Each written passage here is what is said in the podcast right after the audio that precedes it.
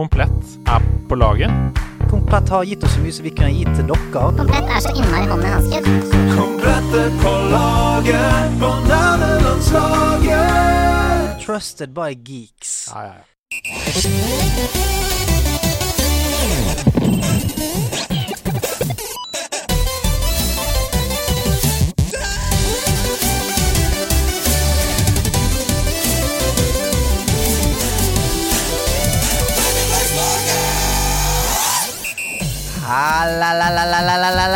Leisen! Da er vi tilbake igjen med en ny duggfrisk, deilig episode av Nerdelandslaget. Godt å se deg. Eller jeg ser deg ikke, men jeg, jeg, jeg føler deg. Godt å føle deg. Det blir også rart å si. Uansett, ved siden av meg så sitter Andreas Hedemann. Russian warship, go fuck yourself! All right. Catchphrase eller bare uh, a tantrum. Ja, Et slags tegn i tiden. Nei, det er uh, For- ga for Gamer Nights. Hvis, hvis du skal si det ofte, det blir litt tøft. Ja, det kan For bli hardt. Akkurat nå så er det spot on, men det er ikke en catchphrase som på en måte eh, på vei ut av hver- hvert eneste rom. Nei, det kan bli hardt også i fremtiden hvis jeg for eksempel er på besøk hos en venn i Moskva, for eksempel, um, og vi spiller Battleship, da, for eksempel. Mhm. Uh, men da kan det ikke passe. Men jo, det er Gamer Nights som har sendt inn, og det er jo ukens catchphrase er jo da for å hylle 13 soldater på Snake Island, en øy som ligger ved den ukrainske grenska. Um, det er et russisk krigsskip som tok kontakt med dem over radio og ba dem overgi seg. eh, fordi Russland invaderer Ukraina. Hvorpå de svarte tilbake på radioen Russian warship, go fuck yourself. Altså Det er så deilig, det. For det, det, det handler om av og til så må man legge fra seg kutyme. Legge fra seg det militære eh, praten og bare komme rett til purren. Det er det man må. Og det Mm. som skjedde da, det var jo at de ble ja, skal vi si, ikke noe sånn der, We refuse to surrender. Ja. Nei, nei. Go fuck yourself. ja, det er akkurat det. Ja, ja. Eh, Få det på. Så ble det jo da antatt at de ble, ble drept, fordi de ble jo bomba søndre og sammen eh, når de sa 'go fuck yourself'. Gladnyhet! Det er bekrefta at de bare er tatt til fange. Ja. Så det er veldig bra. Uh, nå vet vi ikke hvordan det utvikler seg videre, men det er i hvert fall bra. Men uansett så har det her, Russian Warship, go fuck yourself, det har blitt et slags kamprop Ja. for alle, og ikke bare ukrainere, men verden over, i den meningsløse krigen da, Ja. som pågår i Europa nå. Jeg hiver meg på. Det er en god cashphrase. Eh, Og det er derfor jeg ropte det Ja. da vi starta! Det er en god cashphrase, og jeg skal bruke den i hvert fall en god stund framover. Så jeg må, må jeg se det rundt sommeren om jeg skal legger den fra meg. Men i dag er det eh, Vi sier det hver gang, men det er fordi det er pokker meg sant. Det er pølsene fullstappet i dag. Ja, det er Ja. deilig! Hvordan har du det? Jeg har det deilig, jeg. Ja, Ja, ja, du, ja. har det, du ser jo usedvanlig kjekk ut. Gi deg. Ja, du er, det, gjør det. er det pologenseren? Jeg vet ikke. Jeg tok han på for å imponere deg litt Han i dag. glow. sant? Oi. Han deilig Jeg er, gra glow. jeg er gravid. Med eh, lykke. Ja. Men eh, det, alt, alt er fint i dag, egentlig. Ja. Så jeg eh, har jeg får spilt litt. Ja, fy søren, det er jo så eh, insane spilltid. Ja, så eh, vi har jo eh, en liten gruppe hvor vi snakker eh, daglig med deg, Seb, Hasse, eh, Ida og Camilla. Og eh, eh, det spilles, da. For det at hver dag så kom, kommer det meldinger. Mm. Ja. Hva, hva, fikk du et slag der, eller? Nei, nei, jeg bare satt og tenkte på hva som folk har spilt. Så ja, okay. kan, jeg ble ja, litt så, så ut som du fikk uh, drypp. Å ja, nei, Sånn jeg, jeg fikk ikke drypp. Nei. Hvis jeg fikk drypp, så var det drypp av uh, glede over alt spillet som spillgleden som skjer. Ja, men der er det sånn eh, jeg, jeg får daglig screenshots av uh, credits og folk som spiller nye spill Ja, ja. og alt mulig. Så Det koker. jeg tipper til sammen de to siste ukene Så har det blitt lagt ned 350 timer spilling eh, i nederlandslaget. Altså, jeg prøvde, jeg prøvde å sette opp en slags kalender Mm. for hva som skal skje av spilling for, på, for min vedkommende de neste ukene. Og det er jo ikke noe liv igjen. Nei, det er ikke det. Nei. Nei, det er litt sånn som etter at man har fått lønn og ser hvor mye som har gått til regninger. Så er det, sånn, det er ikke så mye igjen, egentlig. Nei. Nei, Så, den, Så- Den, det regnskapet fører du over tiden din nå. At, ok, Etter at jeg har dusjet, gått på do, spist mens jeg spiller, selvfølgelig. For Ja. det mener jeg. Hvis du er en gamer, trenger ikke å, uh, spilling og spising kan skje samtidig. Ja, det hvis, du er, ja, hvis du er dreven. Jeg, jeg skal jo, um, vi skal snakke mer om dette etterpå, men jeg driver, skal jo anmelde Destiny 2 The Witch Queen. Um, og da har jeg jo Companion-appen da på mobilen. Så jeg går rundt og liksom nerfer litt gear, eller sånn selger litt gear unna og sånn. Det må du. Du må det. Mens jeg pusser tenner. Ja, men det, det mener jeg er et uh, Dette mener jeg. Dette er et utappet marked. Ja. Uh, gear for gaming som fasiliterer spising. Fordi at Ja. uh, Spesielt sånn, når du sitter på PC-en, så er det ofte greit. For du kan måte Du har ofte en hånd fri, så du kan flikke litt på tastaturet og sånt. Mm. Men på konsollen, der mener jeg det burde vært noen, noen stenger sånn, fra konsollen, en, li, en liten stang med en klype. Så du kunne bare hatt en liten skive hengende i, i klype. Vet du hva? Ja. Jeg har en idé. Ja. Da jeg gikk i korps, så er det sånn at når du går i korps, så må du jo ha notestativ Yes, og sånn, fordi yes. du skal kunne se på ting. Mm. De som spiller munnspill, de har jo noe de legger rundt halsen yep. sin, og så fester de det opp mot munnen, Mm. sånn at de kan stå og spille gitar mens de i munnspillet ditt. Ja. Man må bare feste brødskive i den munnspill. Så Ja. du kan spille så hav, Ja, ja. mens det henger rundt halsen. Ja, og mener, og da må du være flink når du er i butikken, hvis du er på Foursound eller et eller annet, og sier jeg skal ha sånn munnspillholder, og han spør sånn ja, hvilken munnspill er det? Så må du være flink og si sånn det er ikke munnspill, det er to, eh, det er to sånn feite skiver. Jeg tipper 3,5 cm i bredde. Det er det jeg må ha. En, Stem til C. ja, en dobbel leverposteiskive stemt i, i C skal jeg ha. Jeg, jeg tror det er Jeg, jeg tror det er framtiden, for tenk hvor mye tid vi kunne spart. Ja, jeg er helt enig. Jeg tror vi bare må komme i gang med å ta inn gjestene. Ja. Fordi her, er- jeg merker at jeg trenger hennes synspunkter på disse brødskivene. Ja, ja, ja, altså. ja, for det var ikke nok det med, med, med, med mine ideer på det. Nei, men det er greit, det. Det går helt fint. Ukas gjest omtaler seg selv som både kattemenneske og menneskemenneske, og beriket hele Hordvik med sin tilstedeværelse da hun kom til verden i 1995. Et av hennes favorittsitater kommer fra GLaDOS, skurkinnen i Portal-spillene, men spørsmålet er om hun spilte det på spansk, ettersom det er et språk hun mestrer. Hun elsker å spille på sin vakre rosa Squire Cyclone, se på Twin Peaks og å bade uavhengig av om det er i et badekar, i en innsjø eller i havet. Ukas gjest har både studert spilldesign, animasjon og digital kunst, og det har ført henne inn i spillbransjen, der hun bl.a. har jobbet på Triple Rhyme Games, Miss Games og i Team Reptile. Hos sistnevnte jobber hun som frilanser i 3D-avdelingen, og designer bl.a. miljøene i den meget spennende spirituelle oppfølgeren til kultklassikeren Jet Set Radio, nemlig Bomb Rush Cyberpunk. Direkte fra utlandet til Oslo, ta vel imot spillutvikler, kaffemenneske, kattemenneske og menneskemenneske Solveig Møster! Hallo! Hallo! Det var litt research du har gjort, da. Herregud. Ja, ja, ja. Oi sann. Altså- Spansken, den, eh, den, den var på ungdomsskolen. Ja, så jeg vet bien. ikke. Ja, muy bien. Tú. ja, ja det, det, det det- er nesten flytende, det der. Det er nesten flytende. Velkommen. Takk. Ja, Takk, takk. Jeg ville bare si noe på den eh, ja, munnspillgreien. ja Ja. det, for det var det vi skulle komme til bunns i. ja, du, du, fra, du, du spurte om en input. Jeg Mm. tenker mm. Her er det store VR-muligheter. Immersion, Minecraft, du eter mat. Du Ja. har den her festet opp, klar Ja, sånn at når du, ja, når du tar på en måte hånden mot munnen, så skyves da den samtidig òg. Sant? Ja. Fra dette. Sant? det er jo Ja, det er motorisert. Det- Så det henger en del av VR-headsetet som følger bevegelsen. Når du tar eh, eh, VR-sandwichen din, så skyves da den ekte Ja. inn. Mm. Ja, det er veldig Fy bra. flate. Tenk du kan putte inn en kotelett, akkurat som i Minecraft. Ja. Det passer også bra Ja, ja. i brødskiveformat. Har du bare en feit kotelett hengende i, i munnspillholderen? Altså, jeg, jeg tror dette er framtiden. Men det er nå bare Jeg tror det. jeg tror det. Mm. Altså, VR er framtiden, og uh, jo mer vi kan få den livsnær, så er jeg med på det. Jeg er helt altså. enig. Ja, Så får du det i næring òg. Det er Ja, den største kjempebra. En av de store fryktene på VR er at det skal bli så bra at du ikke ønsker å gå ut derfra. Sant? Mm. Ja. At uh, du ikke får spist, du ikke får dusjet, du ikke får sovet. Sant? Men det er bare å putte det shitet der inn i VR-en. Til de som hører på podkasten nå, så er det, uh, kan det være at dere må overleve at det bores. Fordi at eh, det er noen eh, De som har lokale ved siden av oss, de tenkte hvorfor ikke bare bore litt, da? Ja, ja. Eh, klokken er tolv, og da er, er jo det ingen som jobber, tenker de sikkert. La oss, la oss bore i betong. Så det kan være at dere må holde ut med. Men greit, VR-en er lagt død. Det må komme mer uh, accessories som gjør Ja. at vi faktisk bare kan bo der inne. Ja, Nei, fordi vi har jo snakka om at det neste steget Nå begynner jo grafikk å bli så bra at det ser ut som fotorealisme. Så Mm. det neste steget for, uh, for spill er jo lukt, har vi snakka om tidligere. Ja. Men hva med mat, ikke sant? Mm. for, for alt tilfredsstilt. Kan nesten bare ha intravenøs. Trenger ikke spise. Nei, vet du hva. Det der, jeg, jeg, jeg har bestemt meg for at når jeg er 40, så håper jeg at jeg kan være mest mulig inni, inni der. Det er drømmen. Ja, det er Ja, men absolutt. Altså, hvis, Ja. du, hvis du ikke har for bra penger til pensjon, så er det masse muligheter i Masse VR. der. Fy flate. Det, vi, vi har løst det. Vi har løst det. Men du, har du det fint i dag? Jeg har det kjempebra. Det er kjekt å være i hovedstaden Ja. eh, som en bergenser. Eh, eller ja, jeg er ikke egentlig bergenser, jeg er en slags stril. Ja, Eh, vi, det er litt vanskelig å si hvor, hvor jeg lander, for jeg har litt sånn bastarddialekt. men det som er gøy, er at vi, vi er jo bortimot fra samme sted. Ja.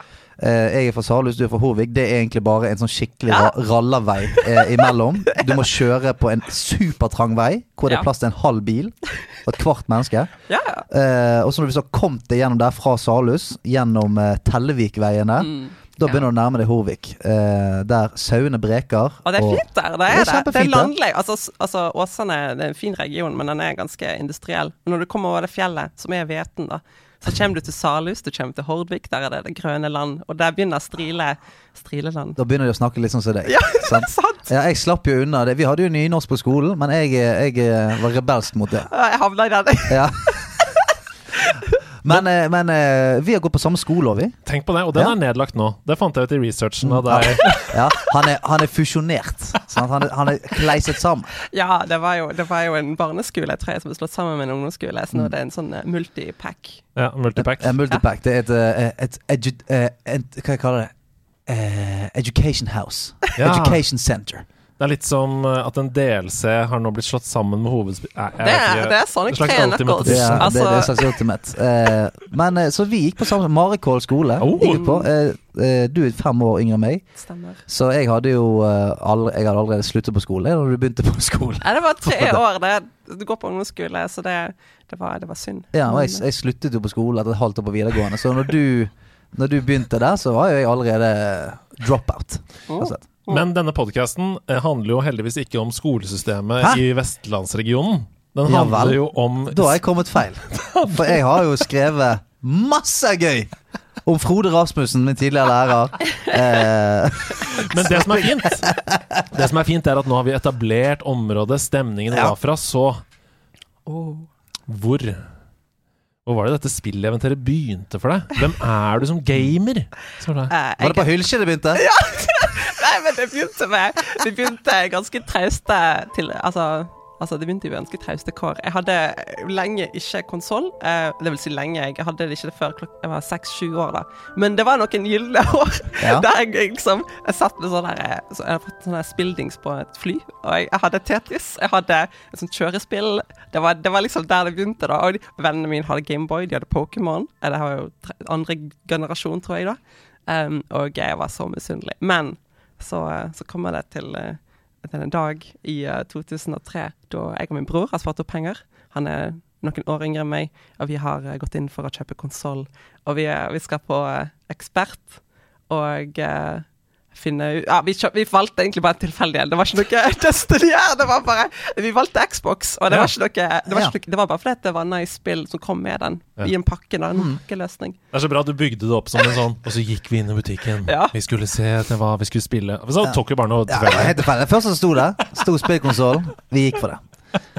Men det er jo litt Faktisk, i, i norsk um, og, uh, sammenheng, i hvert fall, så er det jo litt uvanlig å gå for Xbox som den første konsollen. Ja. Det har jo tradisjonelt vært Nintendo eller PlayStation som Ja. har vært uh, hos folk flest. Ja, jeg, jeg, jeg valgte jo feil. Uh, jeg, nei da. Nei, altså, jeg har jo masse fine minner med Xboxen, men Xboxen var jo veldig sånn Du hadde Halo, du hadde Fable. Gold, du, ja, Fable. Du Mm. hadde den derre James Bond-spillet som ikke var eh, golden uh, Ja, det er Tomorrow Never Dies. Eller uh, Jeg husker ikke hva det heter. hva det En. Det er alltid noe dice. det var, det, var, det var veldig mye sånn voldelige spill, uh, sportsspill, eh, sånn realistiske sportsspill. Så det var, jo, det, var jo, det var jo på en måte en plattform for det, da. Kanskje for litt eldre. I, i starten, iallfall. Mm. Mm. Launch. De var veldig seriøse. Men PlayStation hadde jo liksom Sly, Jackie and Daxter. Mm. uh, liksom Litt mer sånn barnevennlig eh, and Clank. barnevennlige Ja. spill. uh, uten tvil. For, uh, for den yngre gamer. Jeg synes jeg Sly, Jack, eh, Ja. Crash Bandicoot, eh, GTA. Sånt vanlig barnespill. Det var en gyllen æra for den Ja, men det var 3D-plattformeren sin, eh, sin Jeg vet ikke um, storhetstid. Storhetstid. For Ja. det, hadde jo starta på en N64, og så gikk det over til PlayStation 2. Der, der følte jeg For min del, da der var grafikken ble veldig mye bedre veldig fort da i den perioden. Mm. Og du så en del sånn eksperimentelle stiler. Mm. Um, inkludert selvshading. Det kommer, jeg tror vi kommer tilbake Det til. kan godt være vi kommer tilbake til. Det For vet at du har vært borti det. Det er borti det. en liten ekspertise på det. Ja, ja, Ja, men, men det passer egentlig bra, det. For, og, og, altså, hvorfor sitter du her i dag? Hvorfor er du gjest? Hva er det jeg, du, hva er det du representerer jo meg sjøl, men representerer også Team Reptile. Let's go! Nederlandske Team Reptile. Mm. Vi, vi, jeg er den eneste norske på teamet, da. Men vi er så hovedsakelig nederlandsk team. Og eh, i litt sånn som covid har blitt, så er det- er det et par av folk som jobber fullt, som er, jobber i utlandet, da. Mm. Det er en ganske praktisk løsning, syns jeg, da. Eh, men, Er det eh, mange nederlendere du jobber med? Ja, det, er- det er en del av deg. Er det en som heter Menke der? Nei. Nei. Det er det ikke. Hoi, hoike. Nei, det, det er Tim og, Di, Tim og Dion som er liksom okay. altså, okay, bed- greit. Nei, for bedriftsledere. meg, og Andreas hadde Ja. faktisk en, en, samt, merkelig nok en samtale om Nederland eh, før vi gikk inn i podkasten.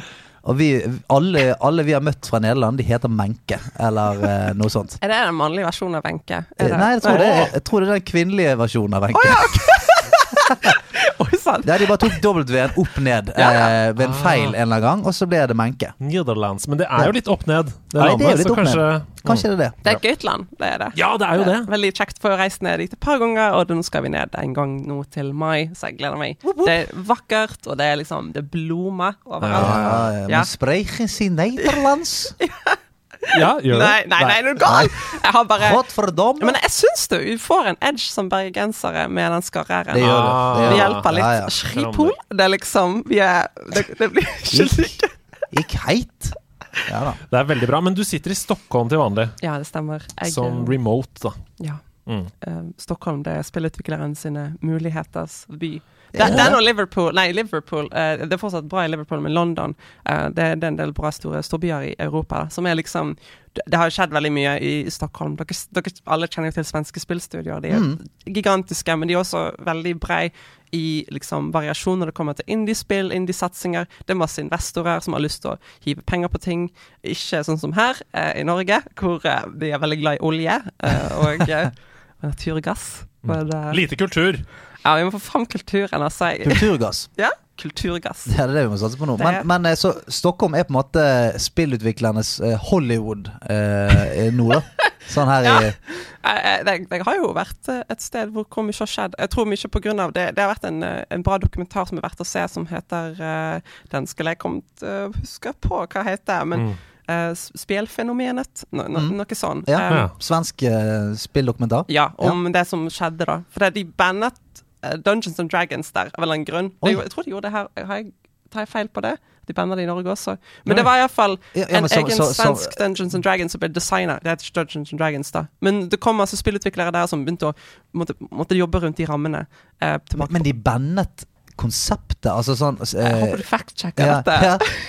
Vi gjør aldri det. Vi bare går for Altså Hva enn gjesten sier, vi bare løper med det. Det er fint. Men, de, eh, men husker du, bandet de på en måte utøvelsen av det? Altså at man ikke Nei, skulle nei, spille det var, det var vel bare den derre merkevaren? Enten first edition Jeg tror det er first edition, um, og uh, det ble det, Men det leder iallfall til at altså, du hadde demoscenen tilbake da.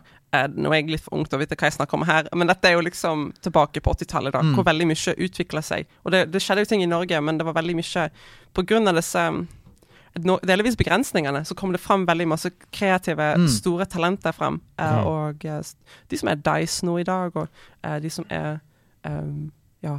Jeg vet ikke, de, Machine Games er jo fra et eldre studio igjen, som jeg ikke husker navnet på. De også er jo fra startperioden. Og det er jo liksom en hel haug med entreprenører og Ja, ja. Vil dere høre? Ja, få høre. At various times in its history, Dungeons and Dragons has received negative publicity for alleged promotion of Satanism, mm. witchcraft, suicide, pornography and murder. Og det står her at det har vært liksom banna uh, i ulike perioder rundt omkring i verden. Ja. Surprise, surprise! Det er fortsatt banna i deler av USA. Ja. Så ok, er det det, altså? Hvor, hvor hen, da? Ja, gjett, da. Ja, eh, Texas. Ja, Idaho. Så det Idaho, ja. Jeg skulle gjette Utah, det- hvor, hvor der er det siste. Their Satan game. Ja, ja, de har, Satan game. men det som er gøy i Idaho, er at de har uh, tydeligvis her en blanket band, altså jevnt over, på RPG. Wow. Nei. Fordi um, criticized by uh, some on religious grounds. Da. You're trying to be someone you're not. Yep. Yep. There's only God. Yeah, There's yeah, someone yeah. he's not. Yeah.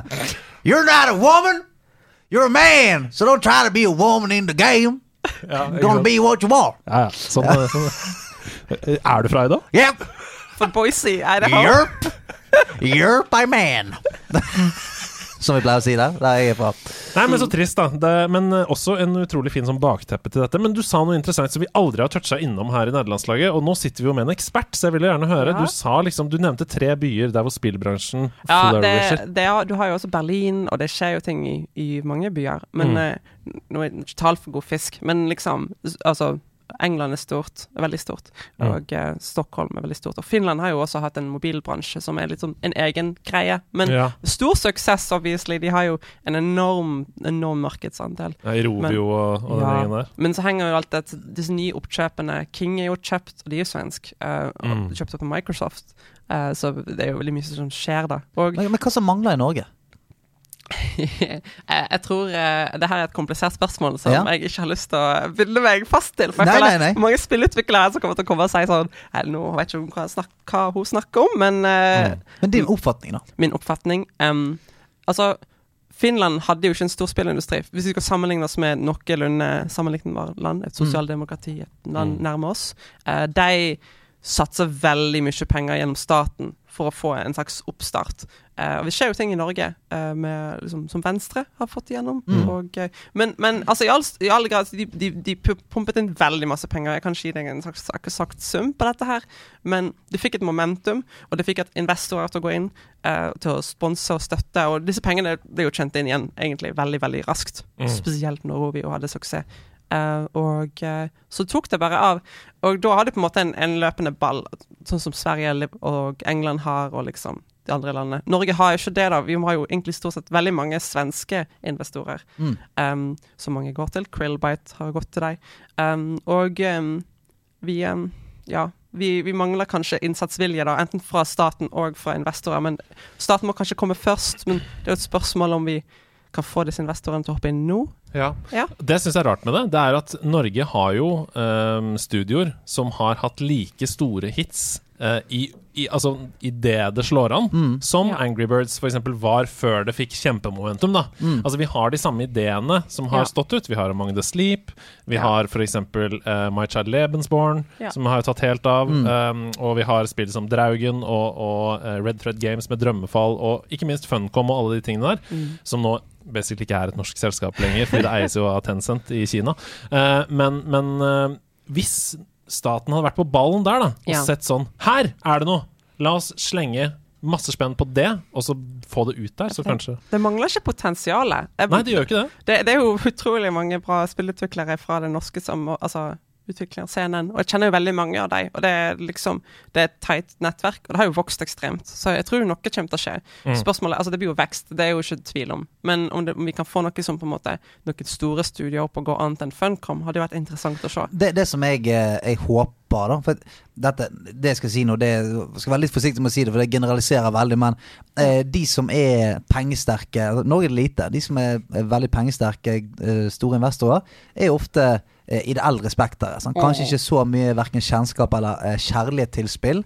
Sånn at det er vel kanskje litt sånn blindsone. Ønsker ikke å, å investere så mye, for du har verken denne Ja. elsken for det, og Mm. kanskje heller ikke nok folk rundt deg som sier sånn Du, spillutvikling er ganske gøy. Det, det er akkurat som at de har nå hoppet rett over spillutvikling og rett inn i på en måte e-sportsatsing Ja. og sånn. For det, det, det er hot, det er trendord, eh, og så har man på en måte glemt litt eh, spillutviklingsdelen. For Eh, sure. litt grann. Ja, at man Ja. har liksom, man har lyst til å være med på, på dette markedet, eh, og ikke være med på disse produktene.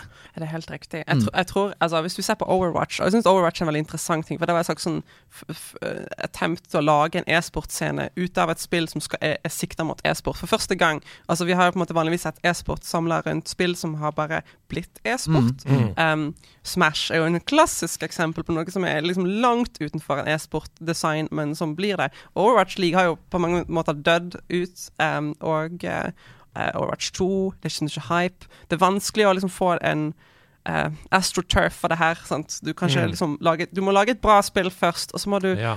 holde opp et community rundt det. Altså, ikke at Overwatch feiler, men For det har jo solgt sykt mye og hatt suksess i Mm. e-sport. Men jeg, ikke at jeg har så mye erfaring med e-sport heller, men du må jo liksom Du må bygge community på noe ekte, da. Og det er veldig viktig. Eh, Jeg, er jeg. jeg er helt enig. og Det der har en tendens, i hvert fall på internett og, på, og i spillverden, oss nerder. Vi, Vi liker å finne ting som føles som vårt eget. At vi liker å eh, føle at vi oppdaget det, og vi var med å skape det. Og så kan jo det gjerne på en måte bli en e-sport og sånn, men det er, det er fordi at vi gjorde det til det. det jeg tror, tror vi gamere sliter litt Vi har litt denne punkrocken i oss. Ja. At hvis det, noen kommer og sier sånn Hei, her er et spill, og folkens, det er også en e-sport, så det er bare å finne seg et lag å heie på. Så er vi sånn Du, ikke fortell oss hva vi skal gjøre. Vi skal finne ut om dette er en e-sport, og så skal vi se om det er noe folk vi liker, og så skal vi heie på de. Men ikke kom her og fortell oss at vi skal gjøre det. Jeg tror det er den dynamikken store selskaper ikke skjønner med oss nerder. Nei. At du, uansett om du er et gigantisk selskap som kommer inn og sier sånn Hei, vi er superstort selskap, nå skal vi gå inn i gaming. Så er gamer sånn Ja, men det driter vi. Vi vil bare ha gode spill, gode opplevelser. Så det må gjerne være Nike som lager det neste spillet. We don't give a shit. Vi vil bare ha gode spill eh, som på en måte bringer oss sammen. Ja. Ok, dette er jo kjempespennende, men vi er jo også opptatt av eh, deg som spiller. Eh, ikke, bare, ja, ikke, ikke bare det du gjør i dag, men eh, hva, eh, din spillhistorie. Og vi ba jo deg om å ta med deg liksom topp tre eh, spillopplevelser hit. Som vi pleier å si, det trenger ikke være de beste spillene du har spilt, men bare eh, spill som du har, som har forma deg, som du har en historie knytta til. Ja, jeg, jeg har liksom en, en del forskjellige spill som har prega meg. Jeg er jo veldig prega av spill som har vært eh, fra min tid. Altså, eh, 2000-tallet sin som 3D-plattformere, det har gått det moment to moment gameplay. Det er masse sånn eh, action involvert, da. Men jeg husker da jeg kom på folkehøgskole, og da, da, da, det er fin tid. Man liksom tar seg tid til å modne litt og liksom oppleve noe nytt. Uh, For meg uh, var det å spille Mother 3. 3. Det, var en, eh, det var en magisk opplevelse. Eh, jeg, eh, det var så deilig, og du har tid til alt på folkehøgskole. Du har jo liksom tid til å bare ta det lugnt. Det, det er kjempe, kjempegodt. Men det er Nintendo-spill, det? Eh, jo da, det er det, Ja, men det er de later som det ikke er det. Ja. for i Model 3 er jo Earthbound Ja, ja. og serien. Um, Earthbound 2. og det er jo oppfølgeren til Earthbound, Model 3, ikke sant? Mm. Ja. Jeg tar ikke feil hvis jeg sier det. nei, 100 det er det. Uh, det hadde en veldig rocky utviklingstid, og det har liksom tatt forskjellige former. På et tidspunkt var det et Nintendo 64-spill, um, og så ble det et game Det ble skalert ned etterpå det, og kom ut i Gameboyen sin siste Advance sin siste tid, eh, 2006, om jeg ikke er feil. Og det var liksom Det, det, det kom ut bare ut i Japan. Eh, det var en Det, det solgte greit, tror jeg, i Japan. Helt OK. Men DS-en var jo på vei ut, og liksom Selv om den spilte Gameboy Advance-spill, det var ganske nice. Men eh, det, det, var, det var et magisk spill, virkelig. Um, for det, det, det er langt. Det er JRPG. Jeg spiller ikke vanligvis JRPGs i det hele tatt. Men du var på folkehøgskole. Ja, Eh, folkehøgskole. hadde tid. Uh, må shout-out til Sunnhordland folkehøgskole. Shout out. Det er bra For der skole. studerte du også spill, vet jeg. Det stemmer! Det var der det egentlig altså, begynte. begynte Det er veldig viktig å si. Ja. Um, skal jeg skal kanskje forholde meg til Mother 3 nå, ikke? Ja, ja, nei, nei. det, dette programmet her er veldig journalistisk flakkende, så Ja, ja. bare, hei, bare, det er bare å hive seg på. Ja. Nei, men det var, det, var så, det var så godt, for det er en spill-designlinje der, da. Nå er det også en, tre, en, en art, uh, di digital art-linje for liksom dataspill, så de, de har separert de to. Men før var det bare en spill-designlinje. Mm. Og der var liksom alle, alt fra programmerere til designere til artists, alt som er imellom. Um, writers. Folk som hadde lyst til å liksom, lære om dataspillutvikling. Jeg gikk der. Og det var en venn av meg, um, Vetle, som viste meg Mother 3. Åh, Og det var fint. Vetle, var- Vetle, skjæra til Vetle. Ja, Hello. kjære Vetle. Jeg Vetle. Ja, det var, det var et sykt sånn Et spill som har helt annen tematikk enn kanskje hva JRPGs gjør. Jeg er ikke så tung på anime. Um, klart liker jeg Ghibli, og jeg liker liksom det som er kjent og kjært, men jeg tror det var liksom forfriskende å se uh, spillhistorie som hadde liksom helt jordnære karakterer i et helt absurd univers. Um, men karakterene er så ekstremt jordnære, og selv med den, liksom, den Gameboy-grafikken, så har de cutscenes, animerte cutscenes i pixel art. Nice pixel art. Uh, det er bra musikk. Det er, liksom, det er komponert. Det, er liksom, det, har en, det, har en, det har en helt sånn sterk atmosfære og tematikk. Et spill som virkelig kommer inn på deg. Jeg tror det er veldig et spill som spesielt går inn på deg når du er i en endringsfase. Um, du får deg til å tenke på livet og kjente og kjære og liksom tiden en har sammen. Og, ja. Ja, for det er Sunnhordland folkehøgskole. Det, Ja. det ligger jo egentlig bare midt i Åsane, ikke det? Hva er det snakker om? Ikke det? Det er nærmest Stord. Det, det er det, ja. ja, ja, ja, Hva heter den som ligger i Nå skal ikke, nå ble det vestlands... Det Åsa, det. nå ble- nå ble det Jeg bare melder meg ut. Det Ja. Men hva heter det? er jo en, det er en folkeskole. Åsane Sånn, folkehøgskole. der har du det, ja. Der, Den, det nei, den. men den, den tror jeg har eh, også innspill i Jeg òg tror det. Ja, eller Ja. e-sport, eller noe sånt. Jeg har ikke peiling. Nei. Du er, Men, eh, du er Sunnhordland all the way. Sunnhordaland Nei, men eh, det, var, det, var, det, men det er så sinnssykt vakkert der nede. Det, det du snakker om, er sånn Det her er ideelle tilstander. Du drar ned på en øy omgitt i denne Sunnhordlands naturen. Det her er sånn Hardanger-aktig natur. Du, men du er langt ut mot sjøen, da. Og du får sånn vakkert, vilt liksom eh, vær. Du har en liten sjappe som er nærme, der de alltid har, hadde sju kroner hekto på smågodt. Og liksom Det var, det var en bra Sunnhordland-opplevelse. Det var kanskje 120 elever, og du var, du var dem blant andre nerder, og du bodde med dem. Og det var Ja, liksom det nerdekollektivet. Ja, det var det. Det var, det Kunne var du tenke deg å studere ved Sunnhordland folkehøgskole? Sunnhordland. Gå inn på sunnhordland.v. Ja, ja, altså, men, det, ja, men det, det hørtes jo faen meg Det nydelig ut som en drøm! Ja, det var Jeg har lyst til å begynne her nå. Jeg òg. Det det. Men du sa eh, Jeg har bare lyst til å ta tak i det, for du sa du var i en endringsfase. Ja. Det er man jo i den, eh, i, i den tiden. Har du lyst til å snakke litt om det? Var det liksom en eh, ja, Hvordan var den tiden Det var Jeg tror det, altså Du finner på en måte deg sjøl ofte på Sunnhordland folkehøgskole. Hva er det jeg sier? Ikke Sunnhordland! men generelt Jeg folkehøgskole. er ikke bare på Sunnhordland eh, du finner det ikke.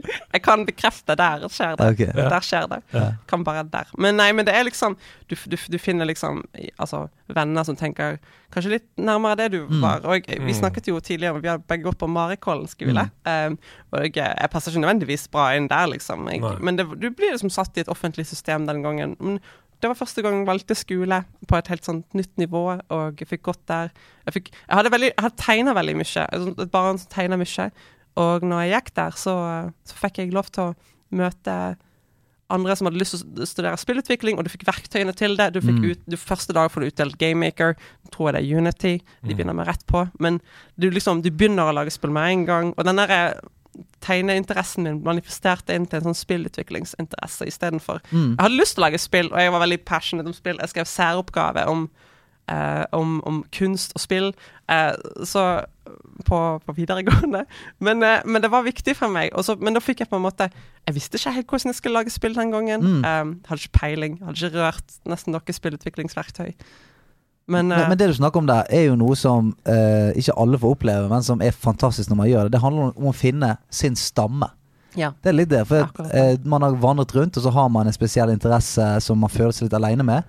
Og så plutselig så er det sånn Oi, her er det ti andre som, som gjør det. Og da føler man seg jævlig hjemme med en gang. ja. Det er, det er nesten som eh, det, er nesten, altså det, er, det er stygt å si det, men det er nesten som man glemmer den forrige verden. For man, sånn, man føler man har kommet litt hjem. Ja. Nesten.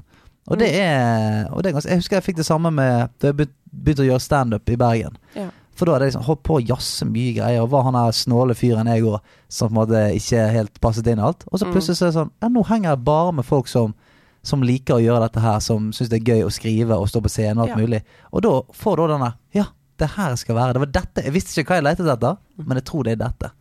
ja. Det er fint. Men når dette du er så fint! Ja, Det er Alt dette kommer fra Mother 3! Mother Mother 3. Ja, Ja, det var en hyggelig tid. Jeg tror det er veldig jeg tror det, er det som er nice med det, er at du får det, folkehøgskole, du får jo et studentlån som ikke er så høyt, du får luft å gå der. Du får prøve ut noe som kanskje er litt eksperimentelt. For det, de, altså de fleste foreldre forteller ikke ungene at du skal gå spillutvikling. Spesielt ikke i Norge, og spesielt ikke den gangen. Nå er det ikke så lenge siden, det er 2014. Men mm. det er liksom Du får en mulighet til å teste ut noe som du, du tror du er god på. Mm. Um, og jeg fikk jo vite da at jeg har lyst til å gjøre dette videre derifra. Det, fikk, det prøveåret var liksom det jeg trengte for å kunne satse på det. For hvis jeg skulle hoppe ut til høgskolenivå fra videregående, da hadde det blitt mye vanskeligere. Mm. Jeg, um, ja, jeg fikk uh, mye erfaring fra folkehøyskole. Mm. Fantastisk. Mm. Ja, altså det er, dette er jo et sånt tema som jeg er veldig passionate Ja, ja. For det, det, det handler jo om Det er derfor jeg bare lar dere prate, Ja, ja. fordi jeg syns det er så digg å høre på. Ja, for det handler, jeg, jeg tror det handler om at eh, på folkehøyskole så er ikke da er ikke den innsatsen der. Eh, for det at med en gang du skal ut eh, på høyskole eller ut i jobb og sånt, så er det med en gang eh, du, har, du har fjernet leken litt fra det. Ja. Du har fjernet nysgjerrigheten, leken, prøve å feile. For når du skal ut i arbeidslivet eller på høyskole, da, skal du, da, da er det karakterer, du skal stå, du skal enten du skal fullføre et prosjekt. Og da er det veldig vanskelig å bli forelsket i noe Ja. syns jeg. Eh, men det, og det ser du med barn nå. Hvis du sier at ja, men nå skal du tegne, så syns ikke det er noe gøy å tegne. Men hvis de får lov til å, å finne ut av det sjøl og skjønne at de liker det, og at dette, dette de lager skal ikke rates på noen måte, eller sånn, det er ikke en konkurranse om å tegne finest, det er bare sånn vi skal bare tegne. Da kommer den forelskelsen. Ja. Og eh, ja, jeg, jeg tror ikke den kommer hvis man har high stakes med en gang.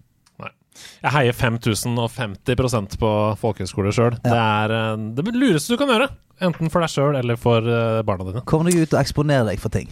Ja. Men uh, nå har vi snakka om Mother 3. Mm. Hva er det neste spillet du har lyst til å liksom, snakke om som definerer deg? Oi, ja. Jeg hadde, jeg hadde ett spill jeg hadde lyst til å snakke om til, uh, og så uh, Det var Garys Mod. Det var, det var yeah, viktig. Mod, ja. Jeg, eh, jeg, altså, jeg snakket jo om konsolltiden, Xbox, sånne ting, men en av de Jeg fikk jo en gaming-laptop på et tidspunkt, og det var um, shout-out til bestefar. Det var kjempesnill. Han bare ga meg en laptop på et tidspunkt i, min tidlige ungdomstid, og det var Det åpna en helt ny verden av spill. Eh, jeg, første spillet jeg fikk, var Half-Life 2. Eh, Oi, oi! Hå, det er så bra! Så det var bra. Det var god gaming-PC, Ja, da. men det var liksom- ikke noe kødd, det der.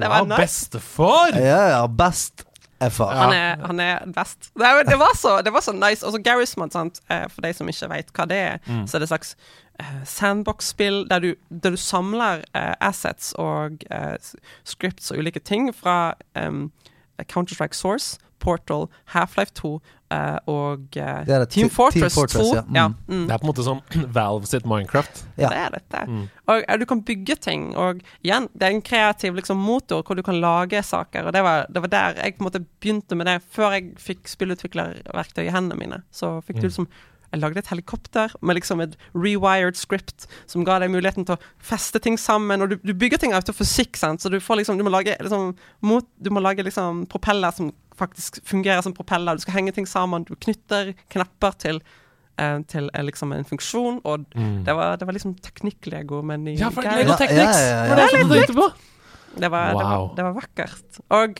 selvfølgelig de andre spillene. Det var jo Team Fortress 2. Jeg tror jeg også kommer litt tilbake til senere. Men det er liksom Det, det er kjempebra kvalitetsspill fra Valve sant, som du får lov til å leke det med. Mm. Mm, herlig. Magisk. Har du spilt noe Garys Mod? Du er jo PC-mann. Du, jeg har uh, vært innom det, Mm. men jeg, uh, jeg Jeg ser på meg selv som en, en kreativ fyr, Mm. men sånn kreat, kreative spill blir, jeg blir fort utålmodig. Ja, ja du Ja. sliter litt med Minecraft og sånn? Ja, jeg blir fort ja. utålmodig. Veldig, veldig, veldig, veldig utålmodig. Mm. For jeg er sånn, jeg kan holde på med det helikopteret, og så kan jeg veldig fort tenke sånn Når kan jeg knuse dette inn i en bygning? det, går for, det går for treigt. Det må skje ting. Men det er så rart, fordi du kan bruke timevis på å bygge et flygel i Lego. Ja, det kan jeg. Det kan jeg. Det er spennende. Ja, men det er, det er et eller annet som ikke henger helt sammen der. Nei, nei, jeg skjønner. skriptet mitt er ute av order.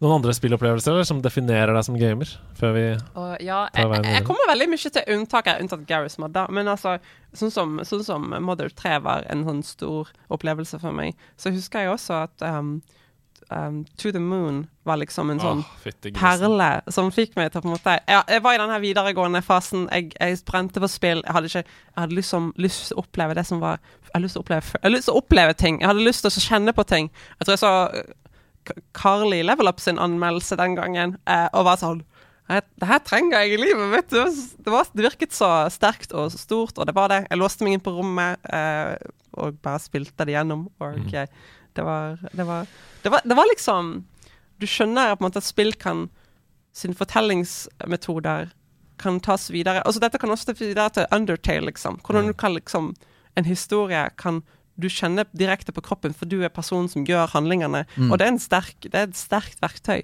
Et sterkt medium.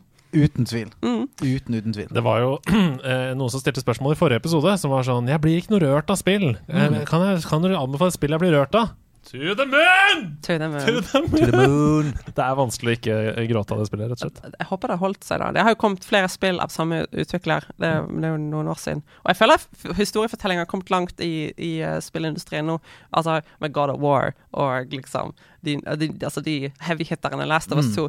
Da er det liksom snakk om et helt annet nivå av historiefortelling. Men det er jo også en annen skala. Det er Triple A, dette er indie, men også Undertale brakk ekstremt store barrierer Mm. for spill. Det er helt tydelig.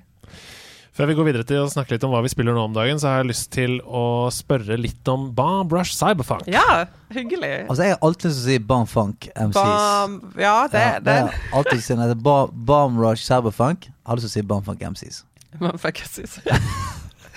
Nei, hva er, ok, Dette er spillet du jobber med nå om dagen. Bomb Cyberfunk. Hva er det, uh, og hva gjør du på det spillet? Mm, ja. Nei, det er en 3D-plattformer-type som om du har Tony Hawk sin liksom tricking-system, men du gir det mye mer plattformeregenskaper. Du samler ting. Det er en sånn collectathon-aspekt med det.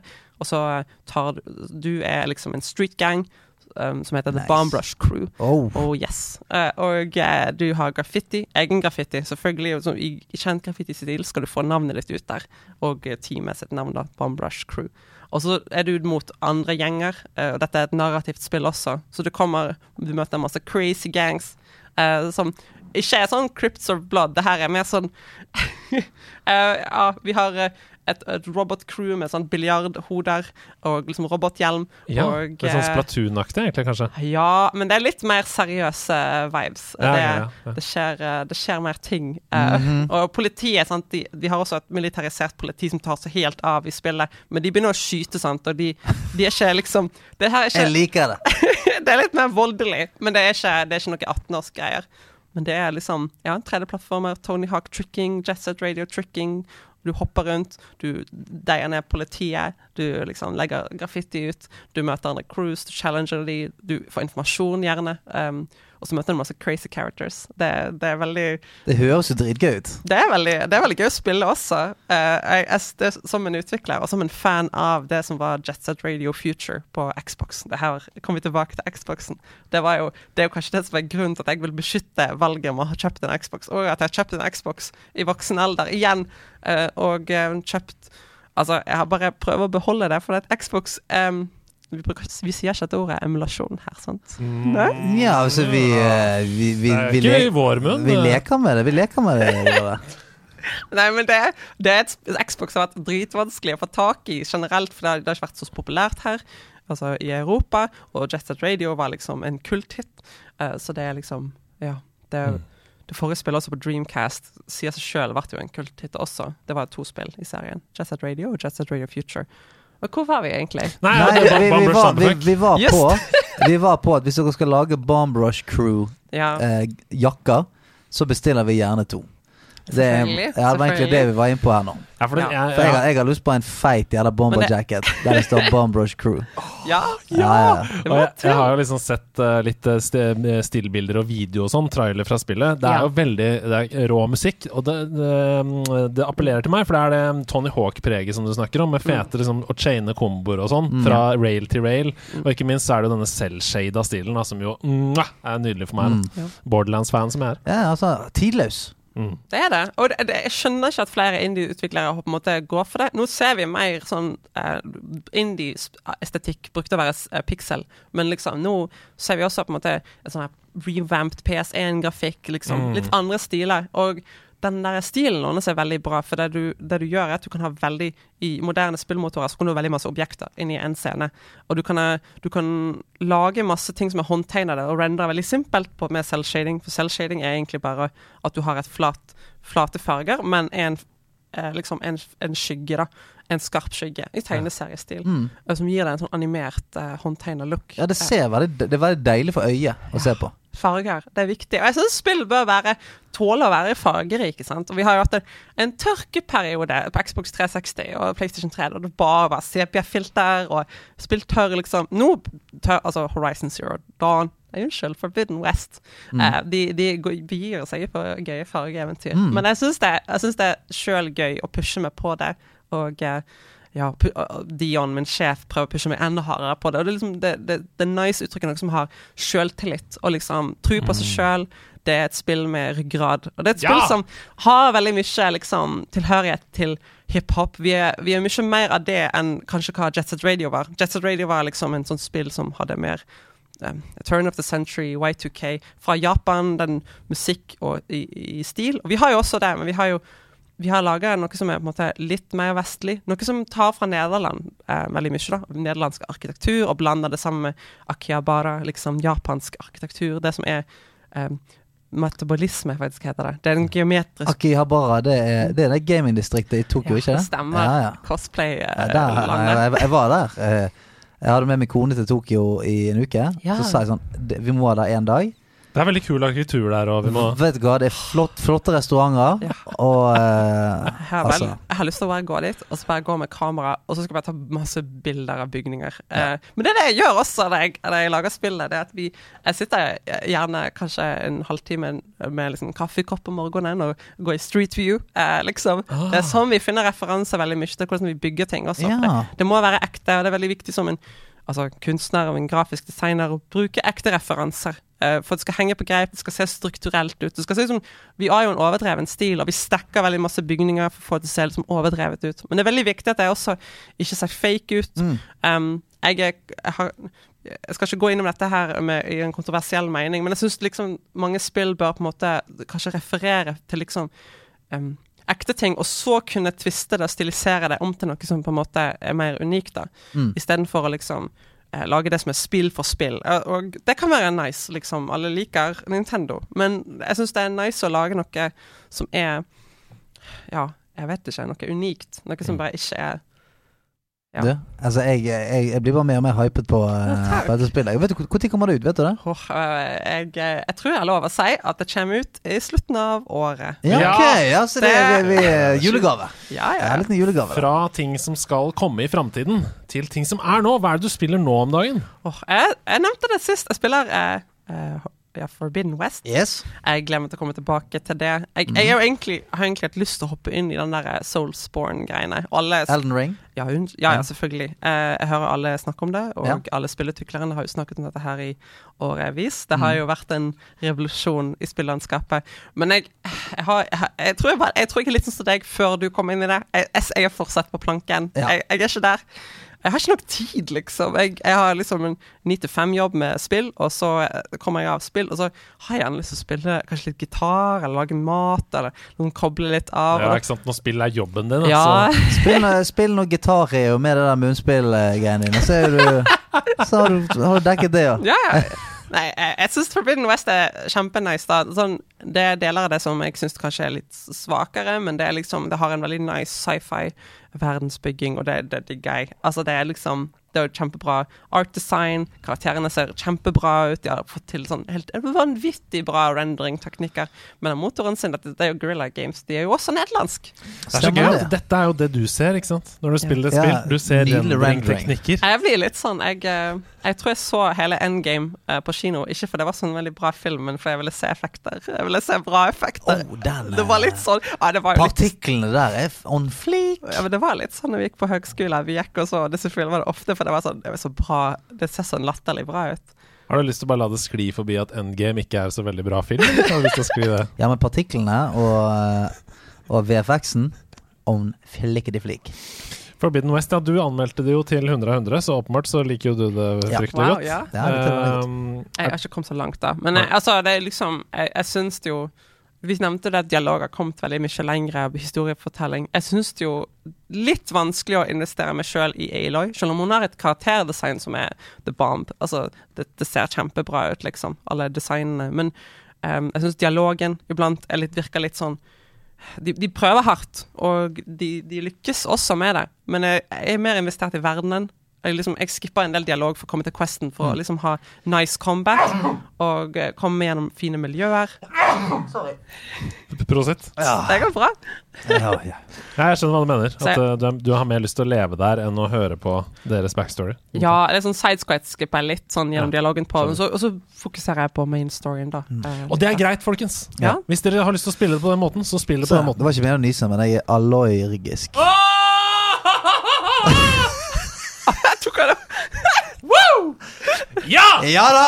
Det er der vi skal Det er være! der vi skal være. Er der vi skal være. Og da syns jeg vi skal lukke Horizon Forbidden West på den. er det noe annet du spiller om dagen? Ah, eh, jeg er redd. Jo, jeg spiller Rocksmith. Altså, det er, en, uh, det er en good time. Det er en good time. Rocksmith. Rocksmith. Det er som Guitar Hero. Jeg hører du har vært inne i Ja, Guitar men Hero-kjøret. Rocksmith er jo det der ekte gitar... Det er det eh, ekte gitargreiene. Ja. Det, det er amazing. Altså, det er liksom jeg, jeg spilte gitar i tenårene og tatt opp gitarinteressen nå. Du nevnte den der gitaren jeg har kjøpt på introduksjonen. Og den, den, jeg, jeg har det så koselig med å bare liksom Som en hobby, da. Fikk du ikke den i gave av kjæresten din? Ja, herregud. Herlig. Jenny, min kjæreste, er fantastisk. Shout-out. Herregud. Jenny! Jeg, kan ikke si, jeg skal ikke si pre prisen høyt på, liksom, på, det, på podkast, Si det det, si det i euro, så er det litt vanskelig å regne. Ja, det var gang ti. Men, men liksom, det var så, det var så digg å, å på en måte komme inn i noe som jeg, jeg har virkelig elsket å gjøre før. Men så, når jeg gikk på folkehøyskole, så lå jeg, jeg, lå, jeg lå gitaren vekk, sant. Og så, Ja, ja. og så begynte jeg å fokusere på kunst, for jeg skulle virkelig prove myself. At jeg kunne liksom lage bra spillproduserte ting og liksom jobbe med spillutvikling. da. Um, og så har jeg kommet tilbake til det nå, nå som blir det litt mer stabilt, og jeg har liksom en, en inn, innkomst og liksom Mm. det, det, Er det rock and roll? det er rock and roll. Oh, shit. Men det er liksom Det er som er, Det føles bra å spille rock and roll. Sant? Visst gjør det det. Bra rytme. Liksom Shredde litt. Shredde litt. Men det føles så nice, og det er en sånn der, Det er en analog interesse, bort ifra Rocksmith. Men Rocksmith er liksom en spillpakke, da. Rocksmith 2014 edition. Ja. Så du får noe Du kommer en ny versjon seinere i år, men den som er ute nå, det er liksom Det er Guitar Hero, og du, du, notene kommer ned vertikalt mot deg. Men de har oversett liksom fargesystemet, og de har det, men de har oversett det til å bruke ekte strenger. Liksom de viser fretboardet. Ja, det er det. Altså, det, det, det, så det er rock Det er, det er Guitar jo. Mm. Bare at du fucking spiller ekte gitar. Så det er det, kan bare spille ekte gitar, Men det, er liksom Det er mer for underholdning. Det er joyride. Sant? Jeg har ikke tenkt å bli noen musiker. Jeg bare har det Nei, gøy. og så har du jo på en måte en hel komp bak deg. sånn, ikke sant? Så når du spiller, så blir du jo den råeste. Fordi det er du, har, det, du kan ikke bare sitte i stua di. Det er beste Slipper selging. sette på en CD. da. Eh, ja! Hva er så gammel Se, er jeg? ja, ja. Ta på ei plate. Skru på kassetten og Jamme litt i kassespilleren. Det har, har karaoke-mode, og det er ganske nice. Du kan åpne mikrofonen, og så kan du synge med eh, Oh, uh, shit. lyricsene Ah. mens du spiller. Det er veldig gøy. Er Dragon Force på den? Det er ikke offisielt, men det finnes et veldig nice modding-community til det spillet. Så du kan egentlig få tak i alt som, alt som er på, en måte på storyen av DLC til det spillet, får du, må du kjøpe. Men resten er som ikke er loggført i den kategorien, nå kan du få Ja, så lenge de har Wonderwall, så er jeg fornøyd. Ja, det har de. La oss gå ut av den virkelige verden og inn i Lost Ark. Ja. Stian, hva er det du spiller om dagen? Jeg er lost i The Ark. Jeg, eh, jeg rundet altså da 70 timer Å, i går med Lost Ark. Jeg brukte hele høsten på å komme meg inn 60 timer i Skyrim.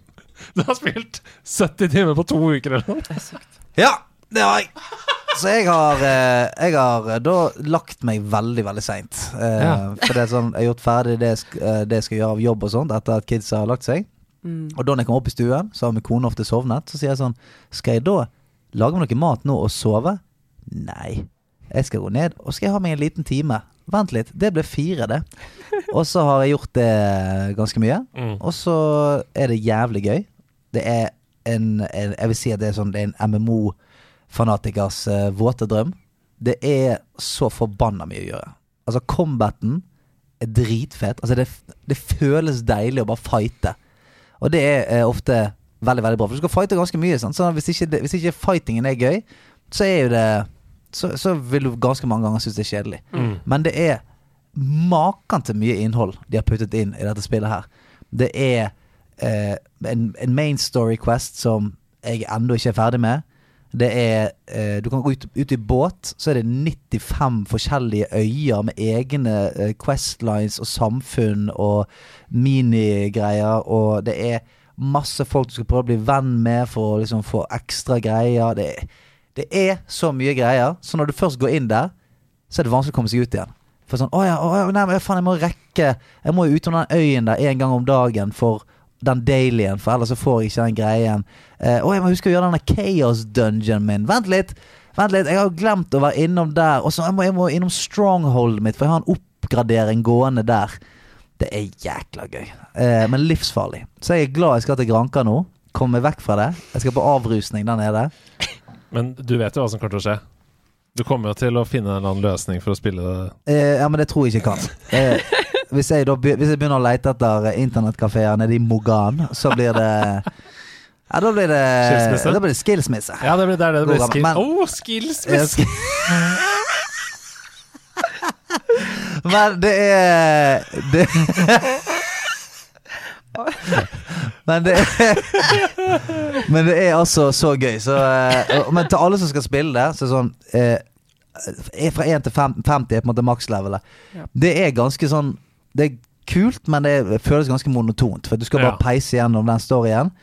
Men etter Det er jo først når du kommer til makslevel, som de fleste MMO-er, at spillet begynner å bli gøy. For da er det tusenvis av gøye ting å gjøre. Og utfordrende ja, det, det drikker. Så hold ut de første f- fem til levelene, og det går veldig raskt. Eh, Ja, ikke sant. ja, så, så blir det dritgøy. Åh, jeg, ja, item, ja, item level 1000. Ikke tenk på det. Jeg kan ikke ha det i livet mitt, for det er så mye annet uh, som skjer. Du vet ikke, Jeg kan ikke ha det i livet mitt, jeg heller. Men er så det- må ut. Men er det noe annet du har fått tid til i det hele tatt å spille? Mm, nei. Nei. Jeg har jo spilt masse Gran Turismo 7, uh, som kommer um, på fredag. Så jeg kan ikke si noen ting om dette, fordi vi er eh, live på Twitch. Og Derfor så kan jeg ikke si noe om min opplevelse til dette. Embargo er onsdag 12.00. Ja. Uh, Det er også derfor at denne episoden kommer 12.00 istedenfor 3.00. Ja, ja. Um, så det har jeg spilt, men det kan jeg ikke si noe om. Jeg har spilt uh, Destiny 2 The Witch Queen. Ja. Og det er jeg bare helt i startfasen av nå. Jeg har spilt meg gjennom en fire-fem missions der. Det er gøy, altså. ja, men Destiny er jo gøy. Ja. Det er jo gøy. Jeg, jeg snakka med flere i, i communityet i nerdelandslaget Klanen. Det stemmer, vi har en veldig aktiv klan. Så hvis du mm. spiller Destiny 2, så gå inn og vær med i nerdelandslaget Klanen. Og de sier jo eh, Jeg har mine 100 pluss timer i Destiny, jeg, altså. Ja. Men de sier eh, Destiny 2 har aldri vært bedre Mm. enn det er nå. Og det er dritgøy. Altså, Ja, men det, det syns jeg alltid Hver gang eh, Destiny kommer med noe nytt, så er det, det er jo gøy å spille helt til man begynner å grinde. mm. Ja, det, noen sier det. Ja. Og og så får vi vente og se, da, for jeg skal jo anmelde dette, eh, The Witch Queen. um, Du, om, du har et anmelderløp gående her nå.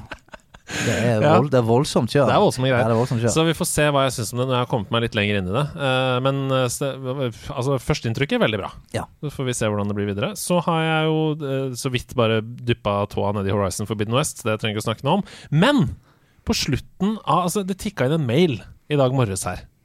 Um, for vi har jo prøvd å få tak i Sebastian i dagevis. Han han er off the grid. Han svarer ikke på mobil. Nei, jeg har ikke fått tak i Sebastian Svarer Brynestad. Jeg, jeg var, altså, bare, jeg var bekymra. Altså, vi kjørte jo bil opp til Norskland. Helt mørkt Helt mørkt. hjemme i huset. Ja, ja, det står, eh, det, det står sånn eh, til, For salg, står det på, på huset Du prøvde, prøvde å ringe på og sånn. Ja. Så, men så rett før jeg begynte å spille inn, jeg bare så at det kom en mail Mhm. inn i innboksen her, hvor det står eh, I emnefeltet står det bare 'Reisebrev from the lands between'. okay. Står det. Det er en lydfil Kan vi bare høre Ja, på ja, den? Ja, hva det er. Bare høre på det?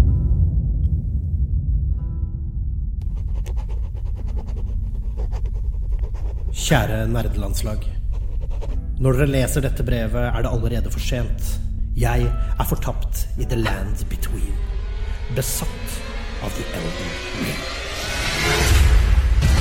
Men fell ingen tårer for meg, for dette er et fantastisk sted.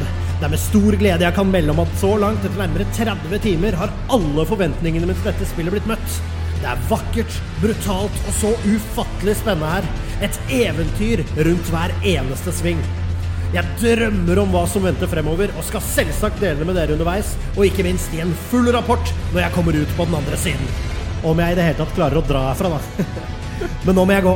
Jeg blir summona inn i en god venns verden. Vi skal drepe en fryktinngytende drage. Det ryktes nemlig at den vokter en nøkkel til et slott som er i ferd med å synke i havet. Så sæla på. En slurk fra flaska. Get good.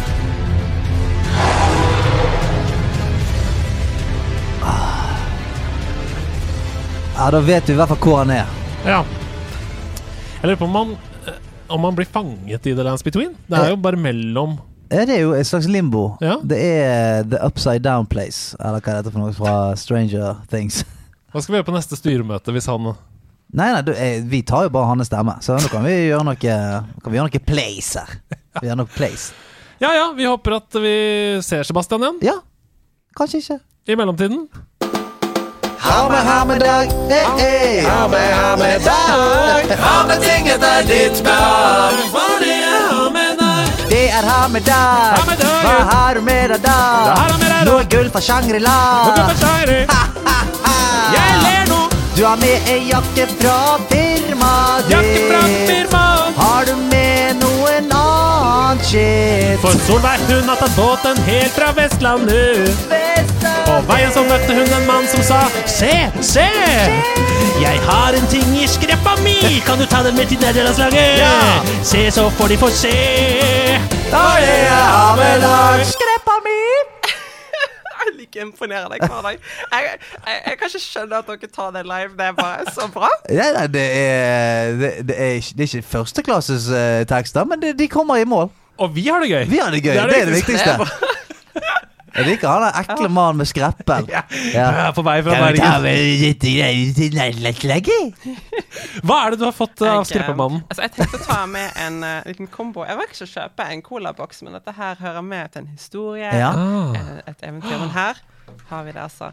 Det er Der Jet Set er han Radio jo. Future! Ni av ti. Ni av ti. Eh, Men Det er er det- ti av ti, egentlig. da Nei, det har masse feil. Men altså, det er også bra.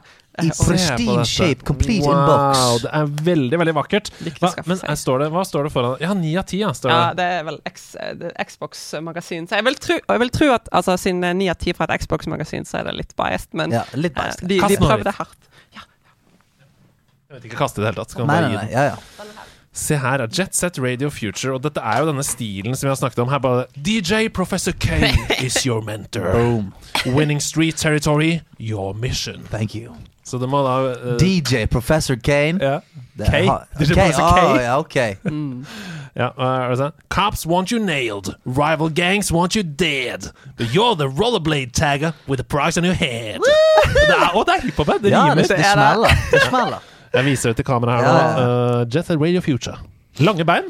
Lange bein, det må, bein. men det er uh, a necessity hvis du skal være en, Rollerblader. ja, en taggende rollerblader. Det er, du får masse gøye animasjoner ut av deg. Og så en Xbox uh, mini-kontroller uh, oh, ja. til den originale Xboxen. Ikke den enorme The Duke. Den er litt uh, intens. Ja, for den var svær, ass. Spesielt med barnehender. Altså, den er jo enorm nå også, men altså, jeg fikk jo konsollen da jeg var sju eller seks år, så det var jo det var Jeg bare sitter der med et, liksom, et, et, et liksom, tog i hendene, liksom. Ja, ja. Altså, av en kontroller. Det var helt Men det var jo Jeg har masse gode minner med det. Jeg har egentlig tenkt å prøve å ta med en sånn derre em, En liten minipakke. For dette her spillet Jeg, jeg fikk liksom det her um, som en første spill Det kom med konsollene, og det var det som var magisk med det. Det var første spillopplevelse som på en måte var min og min bror sin. Vi delte.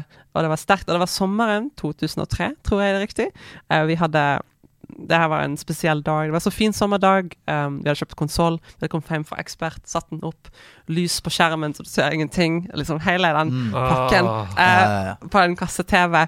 Og pappa, uh, som aldri har hatt det her i verden, hadde kjøpt et brett med cola. Og det var helt, det var helt vilt! Ja, Altså, det var, det var så fint! Og vi um, og altså, så viste det seg at de også hadde tatt med en De hadde fått kjøpt trampoline den sommeren. Så det var, det var ikke like Hva skjedde den sommeren Det var helt vanvittig Ja, fint det var vanvittig opplegg. Ja, Brett med cola, trampoline og Xbox. ja, det var Faen, ganske kjør meg opp. Det var overdose på glede av barndommen. Jeg bestiller to med en gang av den pakken der. Var så fint. Men, og, og nå, nesten 20 år etterpå Ja, det er faktisk gøy. Eh, 22. eh, eh, februar så hadde spillet 20-årsjubileum. Ja, og da skal jo snart eh, spillet som er løst inspirert fra dette her, Ja.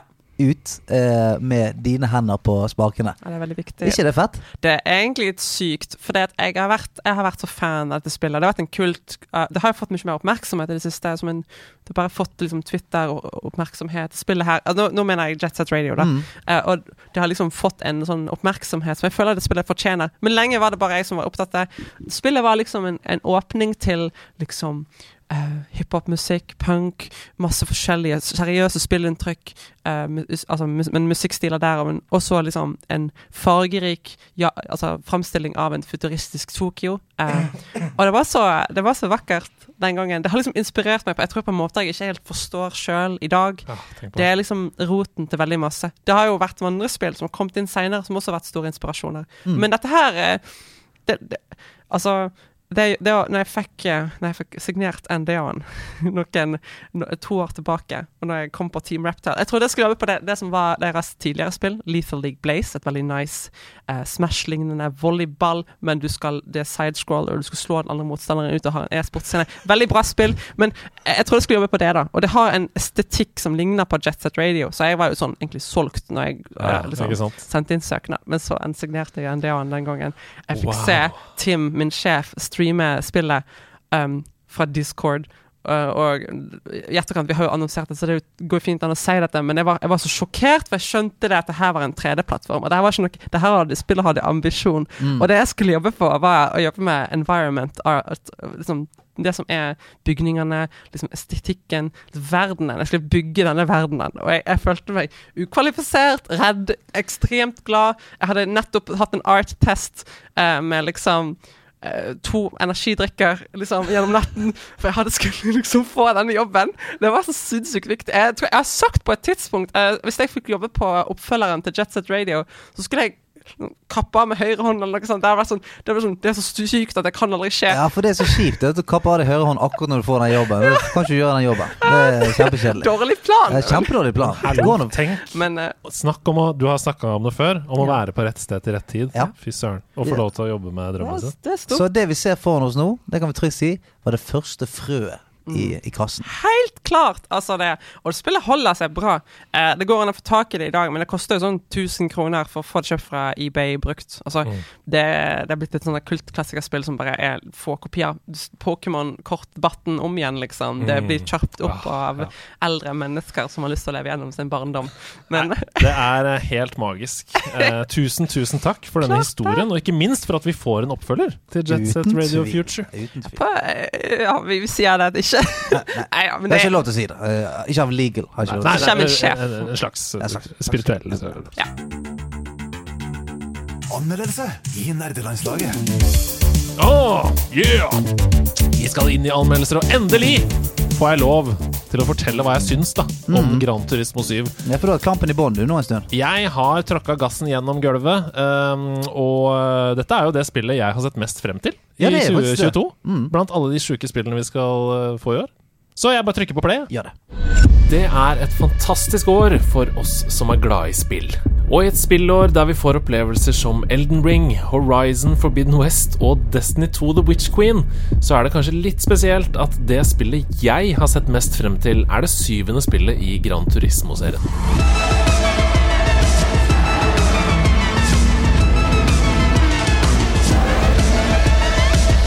De som har hørt på nederlandslaget en stund, de vet at jeg har spilt alle Gran Turismo-spillene i serien, og at jeg var skuffa over Gran Turismo Sport, som tok serien i en ny og mer online-fokusert retning.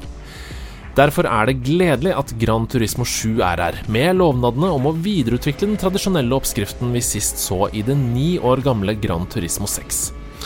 Har de holdt det de har lovet? Og i så fall, har tiden gått fra oppskriften som først så dagens lys for 25 år siden?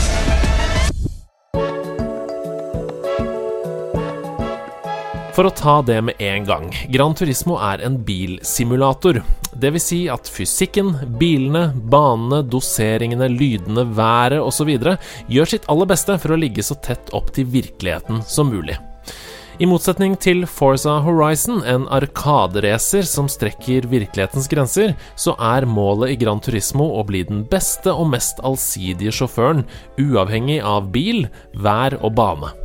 Med andre ord så blir det å sammenligne disse to spillene litt det samme som å sammenligne Shooting Range Simulator med Warzone, bare fordi det brukes våpen i begge spillene. Med det ute av veien så kan vi gyve løs på selve spillet, og det er som Polyphony har sagt, tilbake til røttene. Etter en helt magisk videointroduksjon i beste Gran Turismo-stil, som befester bilens kulturelle posisjon, så gis du tilgang til en tradisjonell hjemskjerm, der du i tur og orden låser opp tuningshoppen, showroom for biler, garasjen, online-løp, lisenskjøring, spesialoppdrag og mye, mye mer. Det de aller fleste vil gyve løs på med en gang, det er den tradisjonelle Gran Turismo-modusen. Singleplayer-delen, der det handler om å vinne ulike race med ulike forutsetninger mot andre AI-sjåfører. I motsetning til tidligere Gran Turismo-spill så låser man her ikke opp cuper, man låser i stedet opp ulike baner i verden, og cupene åpner seg så i tur og orden og avholdes på disse banene. Det gjør at man får et mer personlig forhold til de ulike banene, og gjør dem enklere å skille fra hverandre.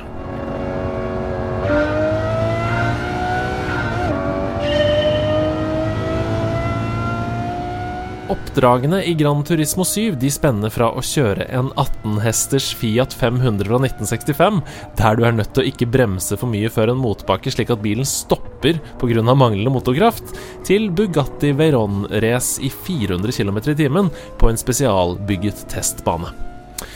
Kreativiteten har fått fritt spillerom i Gran Turismo 7, og stol på meg når jeg sier at Gran Turismo-purister kommer til å hvine av glede over alle utfordringene i lisens- og oppdragsbiten. Det er mange nyvinninger her, og alle er gode. Men den største nyvinningen, kafeen, det er også den beste i et Gran Turismo-spill noensinne. Kafeen fungerer på mange måter som motoren i Gran Turismo 7, eller Quests i en RPG, om du vil. Her får du i oppdrag å eksempelvis skaffe deg tre ulike varianter av Porsche 911, noe du kan gjøre ved å vinne ulike race, eller kjøpe dem når de f.eks. dukker opp i bruktbutikken. Når du fullfører en Quest som dette her i kafeen, så får du oppleve små historiske tilbakeblikk knyttet til den spesifikke modellserien i vakre omgivelser. Jeg har sjøl lært masse av å se på de nydelige små filmoppsummeringene om produsenter og bilmodeller, og oppfordrer alle på det sterkeste til å ta seg tid til å bade litt i disse slående vakre sekvensene. Og apropos slående vakkert, altså hjelp for en grafikk! Jeg vet ikke helt hvordan jeg skal få sagt dette her slik at du som hører på forstår det, men jeg skal prøve likevel. Jeg har aldri opplevd maken til lysbruk og detaljfokus som i Gran Turismo 7. For første gang i mitt liv så sliter jeg til tider med å forstå om det jeg ser på er video skutt med kamera, eller video produsert i en spillmotor. Om man skulle tro at dette har ført til Gran Turismo-seriens største ankepunkt, loading-tider Vel, jeg spiller på PlayStation 5, og hold dere fast, loading-tidene er så å si ikke-eksisterende.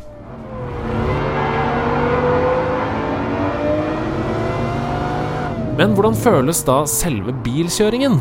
Vet du hva? Den føles fuckings amazing. Hver kurve, hver dosering, hver sving, hver bit med asfalt er lagt i respekt for deg som spiller. Hver eneste gang jeg driter meg ut i et race i Gran Turismo 7, så er det utelukkende min egen feil.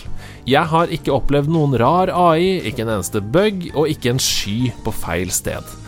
Gran Turismo 7 benytter seg også i høyeste grad av adaptive triggere og haptic feedback i dual sense-kontrollen, som gjør at man føler hvert eneste girskift som et markant dunk, og varianter i underlaget rundt omkring i håndkontrollen dersom de skjer foran, bak, på venstre eller høyre side av bilen i veibanen.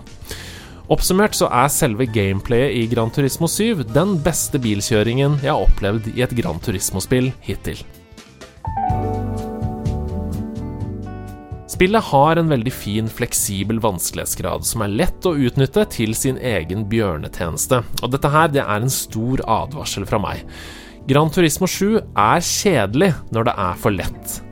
Spillet handler for meg om å stadig bli bedre til å kjøre helt til du er så god at du vinner på skills, ikke fordi du bare har en mye bedre bil enn motstanderne, eller fordi de kjører med gassen halvveis i bånn. Se for deg at du skulle gjort deg selv udødelig dersom du møtte på motstand i Elden Ring. Det hadde gitt mye lavere mestringsfølelse og opplevelsen av å endelig komme videre i spillet mye kjipere. Jeg spiller selv på hard, og det sier jeg ikke for å flekse, jeg sier det fordi jeg tror at de aller fleste som har spilt en eller annen form for bilspill før, bør spille på den vanskelighetsgraden. Gran Turismo 7 tilfredsstiller også i høyeste grad samlergenet, for her får du så mye historisk kjøtt på beinet knyttet til hver eneste millimeter av alle de over 420 bilmodellene du kan samle på, vaske, kose med og bruke timevis på å kikke på ulikt interiør, girspaker og tuningdeler til. Jeg tør påstå at den gjennomsnittlige Gran Turismo-spilleren setter nesten like stor pris på disse pausene fra kjøringen som selve kjøringen, og du kan virkelig fordype deg i dette dersom du ønsker det. Er det noe å plukke på her? Eh, tja, altså det er et par ting som jeg har irritert meg over knytta til noen designvalg i menyen, sånn som i alle Gran Turismo-spill. Det er f.eks. ikke mulig å komme seg direkte til verkstedet når man er dypt inne i en race-meny, og det er heller ikke mulig å komme seg tilbake til hovedskjermen ved å holde inne tilbakeknappen på kontrollen. Man må trykke mange ganger på denne knappen for å gå helt ut, og så inn i verkstedet, og det føles litt utdatert. Det er også vanskelig å intuitivt forstå værforholdene før et løp, som gjør at man eksempelvis ikke får tatt velbegrunnede avgjørelser om å gå for regndekk eller såkalte slicks. Og dette kan ødelegge et løp som ikke er lagt opp for pitting, dersom det begynner å pøsregne, og sørge for at du som spiller er nødt til å starte på nytt etter å ha spilt mange runder. Men i det store bildet så blir dette ubetydelige småting. I nerdelandslaget så elsker vi nerder, og Gran Turismo 7 er motornerdenes ultimate spill. Det er få ting som slår følelsen av å forstå hvorfor du taper på Fuji Speedway, gjøre de nødvendige justeringene av dekk og stivhet i støtdempere, for så å oppnå de marginale fordelene som gir deg seieren etter 15 minutter intense racing. Jeg har selv reist meg opp og jubla høyt i stua med adrenalin oppunder haka, helt vill i blikket, etter tidelsseire pga. perfekt slipstreaming på oppløpet.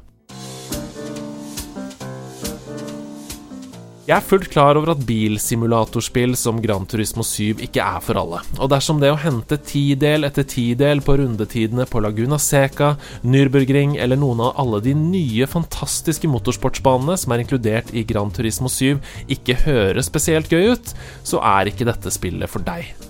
Men det er spillet for meg, og jeg kunne ha snakka i timevis om hvor vakkert og rørende det er at Gran Turismos 25-årsjubileum krones med Gran Turismo 7. Om musikken, om nostalgien, om respekten for bilkjøringens kunst og håndverk, om kjærligheten til motorsport og om fellesskapet som kommer til å komme sammen online i kjølvannet av dette mesterverket av et bilspill. Med unntak av noen litt klønete meny- og designvalg som Gran Turismo-serien alltid har slitt med, så setter Gran Turismo 7 bransjestandarden for tilgjengelige bilsimulatorspill. Og da er det vanskelig å gi det noe lavere enn 94 av 100 hedemenn. Vi nærmer oss fryktelig nært det perfekte Gran Turismo-spill nå, Polyphony. Dette er det beste hittil.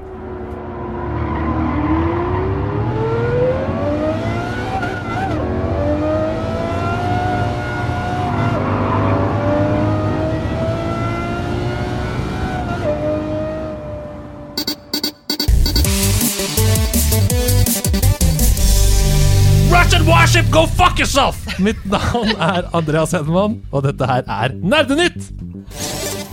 Det er veldig lite nyheter denne uka, naturlig nok, ettersom hele verden er i Elden Ring, Destiny og Gran Turismo-vakuum, men vi får klemt inn et par likevel, og aller først så skal vi til Capcom, som har løftet sløret av sitt neste store slåssespill, Street Fighter 6. Med det bekreftet altså selskapet at spillet offisielt er under utvikling, men stort mer enn det, og en logo, det har vi ikke enda. Det første lasset med detaljer det er forventet til sommeren, så dersom du er en Street Fighter, så er det bare å glede seg.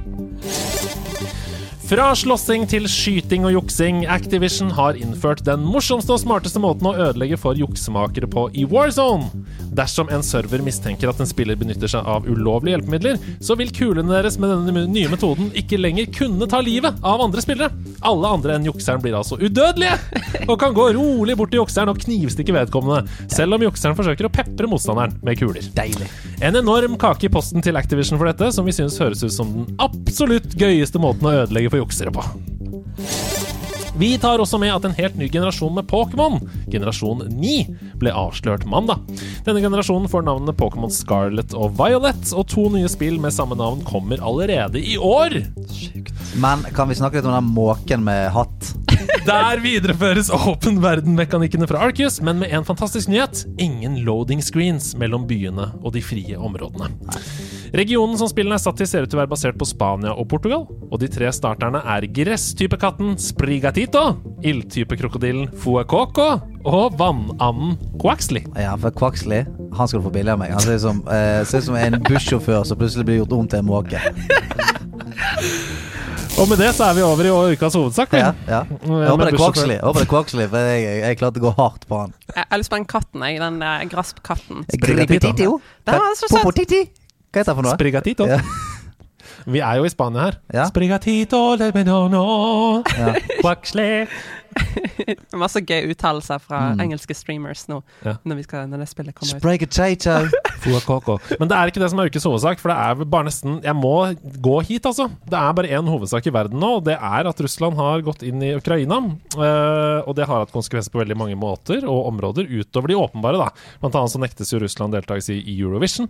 En rekke idrettsarrangementer flyttes ut av landet, og mange landslag og utøvere nektes å konkurrere med russiske utøvere.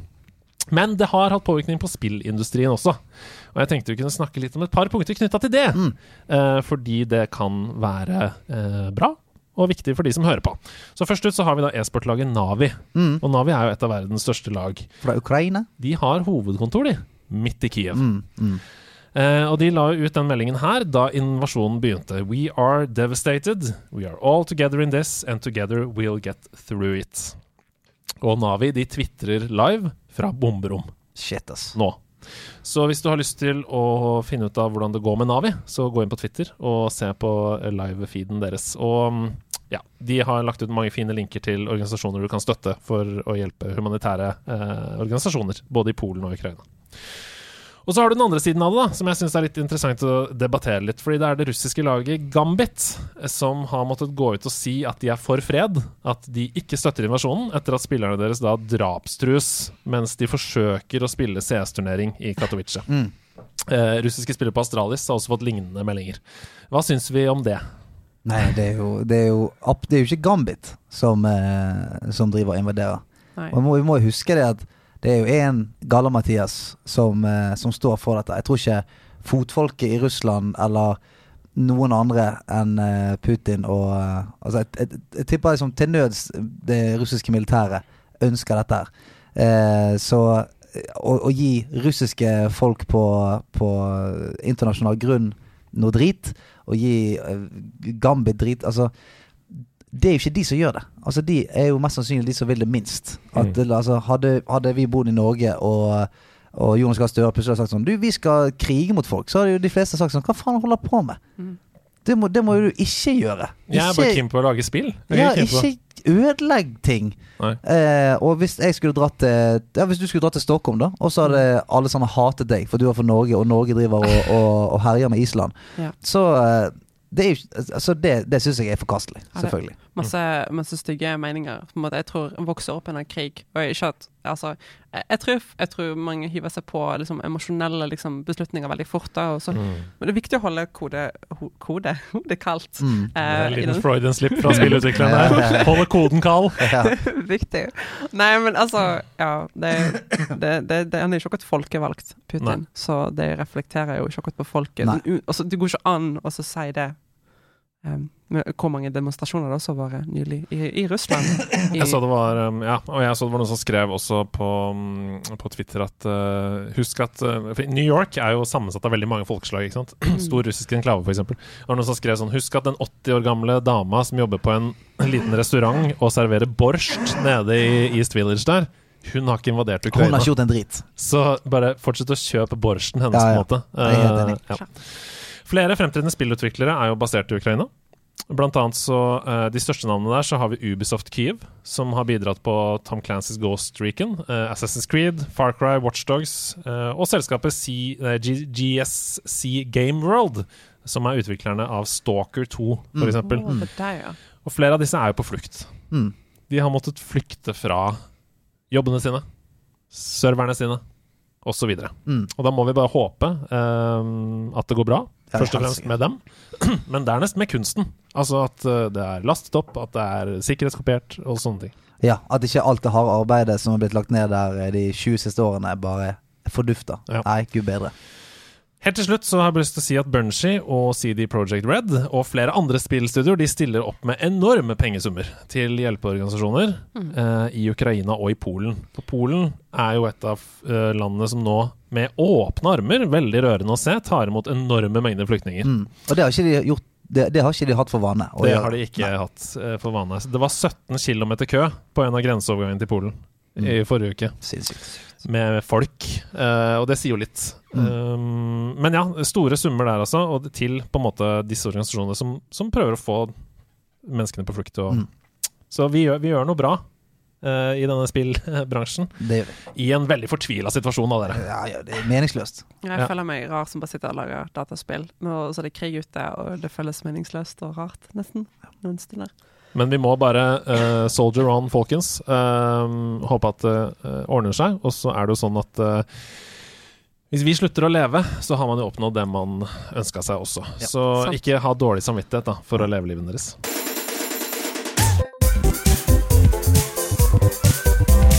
Karakterkortet. For en overgang her. Fra, fra elendighet til enda mer elendighet, ah! kan jeg si. Karakterkortet. Du har, du har kanskje ikke hørt eh, om det? Nei. Nei. Det er en ny ting vi har begynt med for å, å pine oss sjøl. Eh, det er rett og slett at én eh, i redaksjonen hver gang eh, må opp i en slags eksamen i en spillkarakter. Så da skal de da eh, være denne spillkarakteren. Vi skal intervju intervjue, og så skal vi på en måte gi han en karakter etterpå. Da, hvordan vi syns han klarte å, å fange essensen, sjelen, væremåten til, eh, til nevnte karakter. Så uh, uten eh, further ado, hva Hvem vi skal Ja. snakke med i dag? Det stemmer. Det er meg. Det er jeg som har måttet bruke uka på å gå inn i hodet. Det er derfor jeg er så glad i deg. Det er derfor du så med en gang at jeg hadde den gløden da jeg kom inn. Jeg visste at jeg ikke skulle gjøre dette. For jeg har nemlig method actet meg gjennom denne uka som Yoshi. Du, du har method acted det? Ja, ok. Eh, mer om det en annen gang, rett og slett. Eh, La oss bare komme i gang. Eh, vi skal intervjue Yoshi. Vi kan ta annethvert spørsmål. Vi kan spørre om hva vi vil, og så skal da Yoshi med sitt eh, eh, enorme vokabular svare på dette. Ok, tre, to, én, go. Hei, Yoshi! Eh, du, kan du snakke litt om eh, hva, hva, hva du tenker om det norske demokratiet?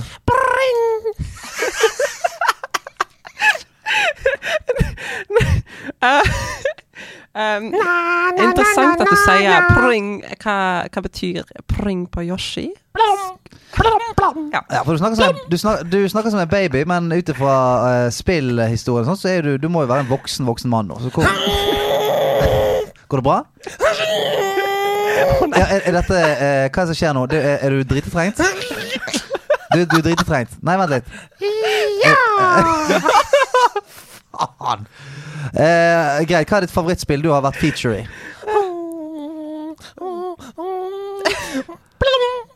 Ok. eh, ja. Jeg snakker ikke yoshisk, gjør du? Nei, nei, nei. Nei, for jeg skulle gjerne klart å deschiffrere noe av dette her. Er det litt sånn som Pokémon, at de sier sitt navn, liksom? Ja. Og eh, lager litt lyder Ja, kan, kan vi få se tungen din? Ja, men han er, han er lenger enn det. Få se. Fy faen. Hva i all verdens navn og rike var dette her for noe? Nei, jeg vet ikke. Jeg, har, jeg prøvde liksom gjennom uka å, å, å finne Men det døde da jeg skulle gå live. Og dette er jo når, når man skal opp et sted og sånn, og med beina. Du hopper som Yoshi. Så Ja. jeg, Å, fy faen. Ja, ja. åh. oi, oi, oi. Jeg gjorde mitt beste. Nå er det jo opp til dere, da. Å Ja. vurdere. Gå, jeg, jeg er eksaminanten. Jeg går ut på gangen. Ja, nei, du kan bli her. Ha det bra. Ja, du, du, Og så kan dere nei? diskutere. Nei, ja, ok. Ja, du, du kan få begynne. Det var, det var masse et sterkt vokabulær av lyder og forskjellige Yoshi-kvalifikasjoner Ja, som ja. ble møtt. Nei, Følte du at du satt med, med herr Yoshi? ja, jeg, Gjorde du det, ja? jeg gjorde det. Ja, ok. Det var det. Hvis du lukket øynene og eh, tenkte litt sterkt, så Hvis jeg lukket øynene, så trodde jeg det var eh, en baby. Ja. En liten, en liten baby som lå her og bæsjet og, og prøvde å finne stemmen sin. Blam, blam, blam. Nå vil begynner jeg å lure på hva de sampla hos Nintendo når de lagde Baby Mario-spelet med Ja. Yoshi. Er det, tok de bare en baby og så bare ga den mikrofonen? Ja, Det kan være. det kan godt være. Ja. Ja, hva, Hvilken karakter gir du fra 1 til 6? Én til seks. Ja, det, det var eh, med avslutningen uh, på avslutningen der. Hva med avslutningen? Hva var det på avslutningen som, som Ja, solgte det, deg? Finner vi, ja, for det, liksom, jeg antar at vi får se et egg nå. Ja, altså Hvis ikke du driter ut et egg nå, så ligger du tynt an. Setning aldri sagt Ja, ja, ja. på norsk podkast. Hvis du klemmer et egg ut av ræva di nå, så, så ligger du tynt, an. an. no! Ja. Nei, det var, det var en, en bra fem. Jeg, syns det var Jeg syns det var Er du sinnssyk? Er du sinnssyk? Jeg sto underholdende. Det var underholdende. Det var veldig Det var, det var bra underholdningsverdi. Ja. Ja. ja. Nei, min, min min karakter to. Oi, oi, oi!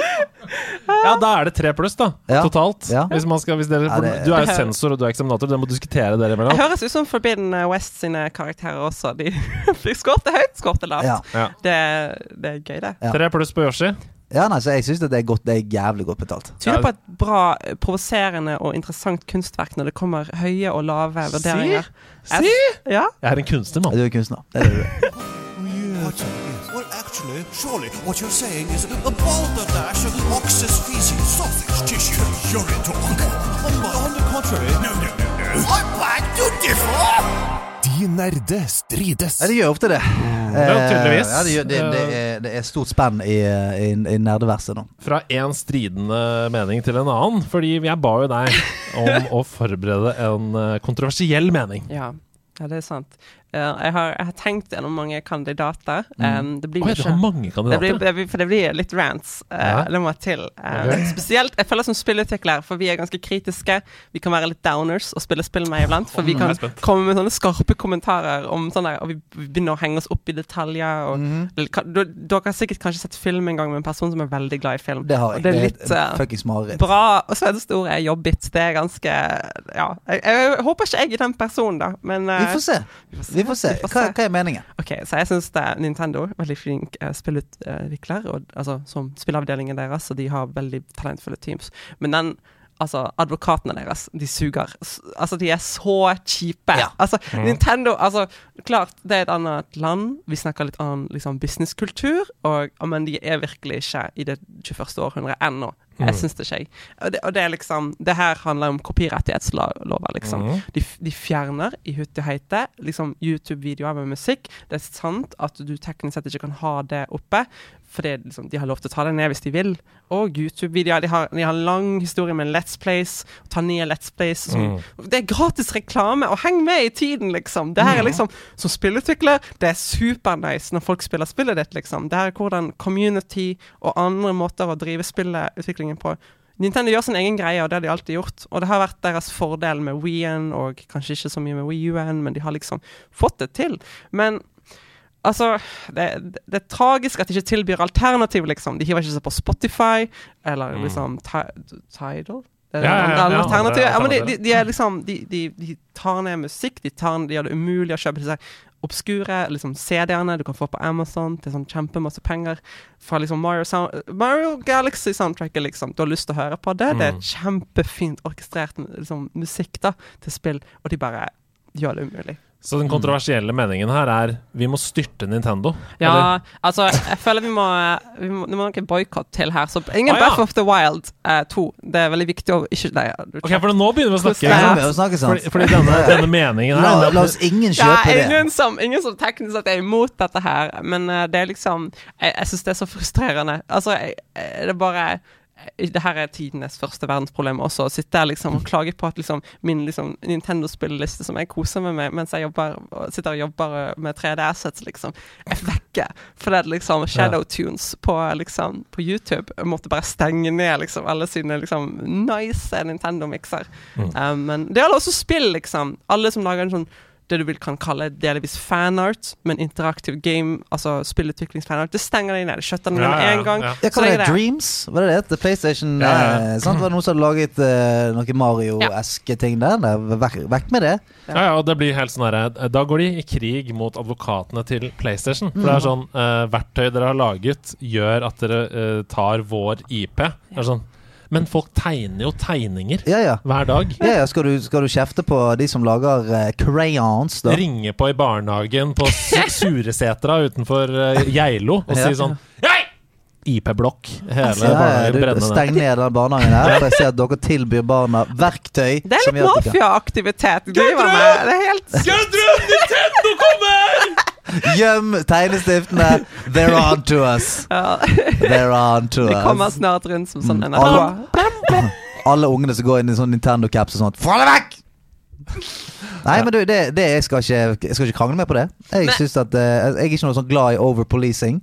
Ja. Eh, så eh, Det å liksom bruke masse energi på å være, være kjip med folk som egentlig bare hyller verkene dine. Ja. Uh, hvis du har eh, en eller annen gammel Let's Play der du spiller gjennom uh, Super Mario Bros. og har laget litt artige ting med musikken og sånt på YouTuben din jeg, synes, jeg, jeg skjønner at i uh, jussens eh, papirer så ikke er det lov, men for faen, det er jo Det er jo bare hyggelig. Det er noen som hyller og viser at de, de er glad i det. Ja, Nei, jeg syns det, det er litt kjipere, så jeg skal ikke krangle med det på det. Jeg er ikke imot kopirettighetslov i sånn i prinsipp, men, det er er bare, men det er bare så dritt at de ikke ser at liksom Ok, så hvis du sa at sånn oh, Unnskyld. Ja, ja. Hvis du ser, tenker på Sonic-spillene, liksom. De har 3D-spillene deres har vært problematiske, og en rollercoaster eh, Ikke bare av grind rollercoaster, som du grinder på. Mm. Ja, men de har vært ganske vanskelige å holde gleden oppe med. Sonic Mm. Generations var nice. Men, men det er liksom noe med at Sonic-utviklere, eh, eller folk som bare sitter og lager Sonic-fangames, de har naila hvordan f.eks. Sonic skal manøvrere seg i 3D-space. Vi hadde ikke hatt Sonic Mania hvis ikke det var for at Ja, er. Sonic-utviklerne sa vi løfter fansen. Det er jo Ja. lagd av fans, Ja. det spillet. Så heia det, ikke heia til Nintendo. Ja. Vi skal videre. Army mateys. I dag eh, Skitne sjørøvere. Jo. Så er det du. du Flytt deg, Yoshi. Gå ned i kasjotten igjen. Jeg skal få uh, byssegutten til å komme ned med noe eh, slim til deg etterpå. Kjeft. OK. eh, I dag så er det i spaltens ånd eh, et pirattema. Oi! Ja da, det er det. Oi, Så, eh, oi, oi. Så da er det jo egentlig eh, ganske greit å innstille seg på hva som kan komme her. Så derfor, i og med at jeg har allerede sagt at det er pirattema, så er uh, reglene er litt forandret. Okay, Det er okay. piratregler. Og Piratregler? piratregler, det er det det er kapteinen på skipet som bestemmer. Ja, ja. Det er kapteins er lov. Så riktig svar er ett poeng, Ja.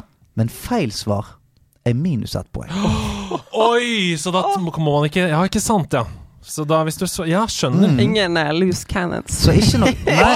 Oi, hoi, Oi, hoi. oi, oi, Oi. oi. Eh, skal vi bare komme oss i gang, da? Det er, eh, eh, det kommer et lydklipp. Si navnet ditt for å, eh, å gripe mikrofonen. Og så eh, får du minuspoeng hvis du tar feil. Plusspoeng hvis du får riktig. Men det er oppfølgingsspørsmål på hver oppgave. Eh, Og Ja. flere. Og vi skal fram til et spill, er det sånn? Vi skal opp fram til et spill. Ok, da trykker jeg på play her, jeg. Ja. Så roper vi navnet når vi vet det der. Ok. Andreas, Ja, dette er Sea of Thieves. dette er Sea of Thieves. Det er Sea of Thieves. Shantytime! Ett poeng. Skamfullt. Ja, Har du spilt noe Sea of Thieves? Eh, litt. Eh, Jeg kjenner en som jobber på det, eh, og jeg håper ikke han hører på nå. Det gjør han nok.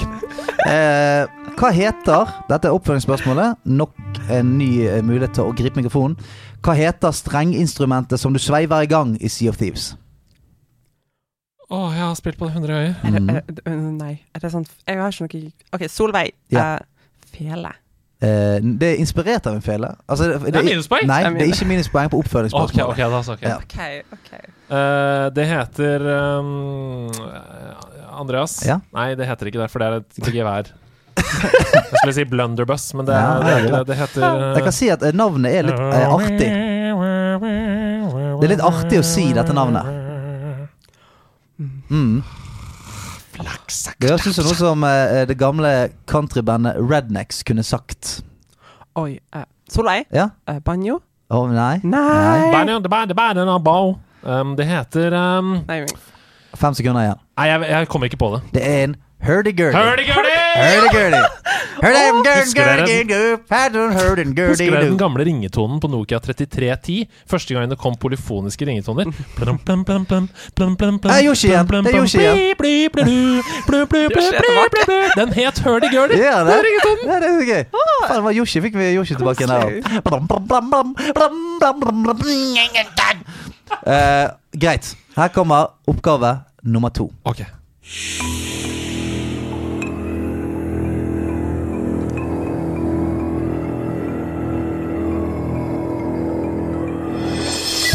Andreas, Ja, dette er Monkey Island. det er Monkey Island.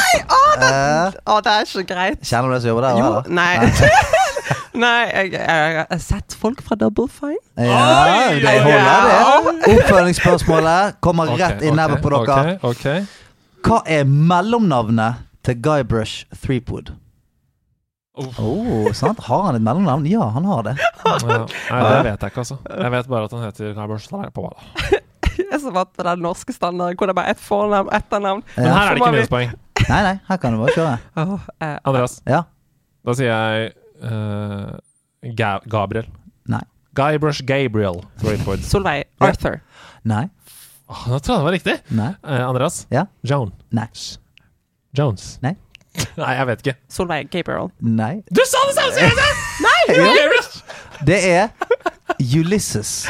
Ok, ok. heter. Guybrush Uli- Ulysses Selvfølgelig. Threepwood. Ingen gjetting som skulle fått den. Nei, nei, jeg, jeg, jeg tenkte jeg kan bare gjette, men jeg treffer ikke den på første.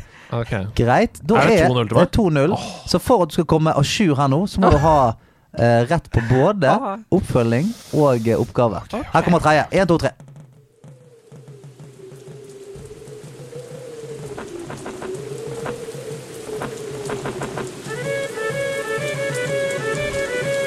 Oi. Dette var noe kjent.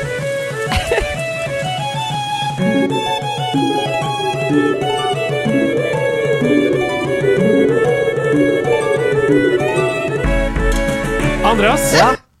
Donkey Kong Country. Hvilket? Nei. To. Ja, det er riktig! Fra, fra piratbanen eh, eh, Jig Jug, tror jeg den er. Jib.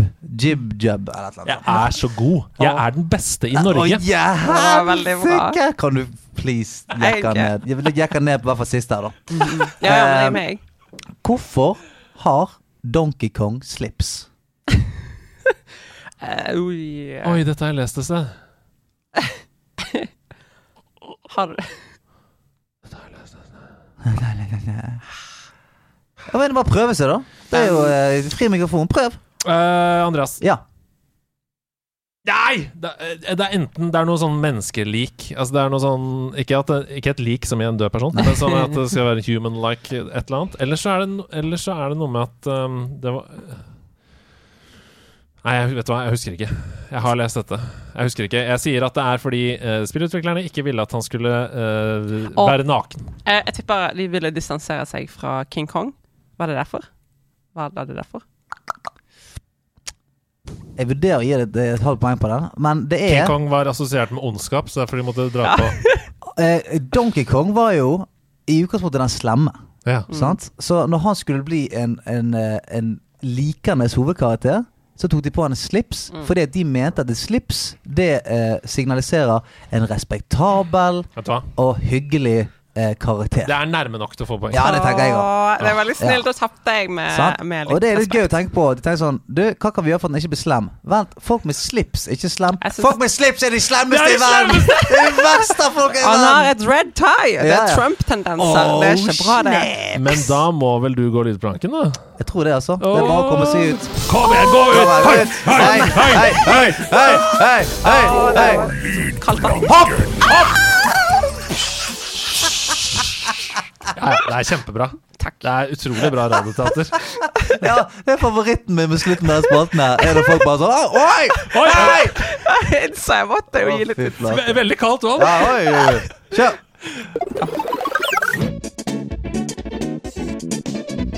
Kjør. Pokey i posten. Blam, blam. Nei da, det er ikke Yoshi nå. Det er Pokey. Jeg trodde faen det var Yoshi. Det er Pokey i posten. Jeg har en kraftig Pokey i posten denne uka her.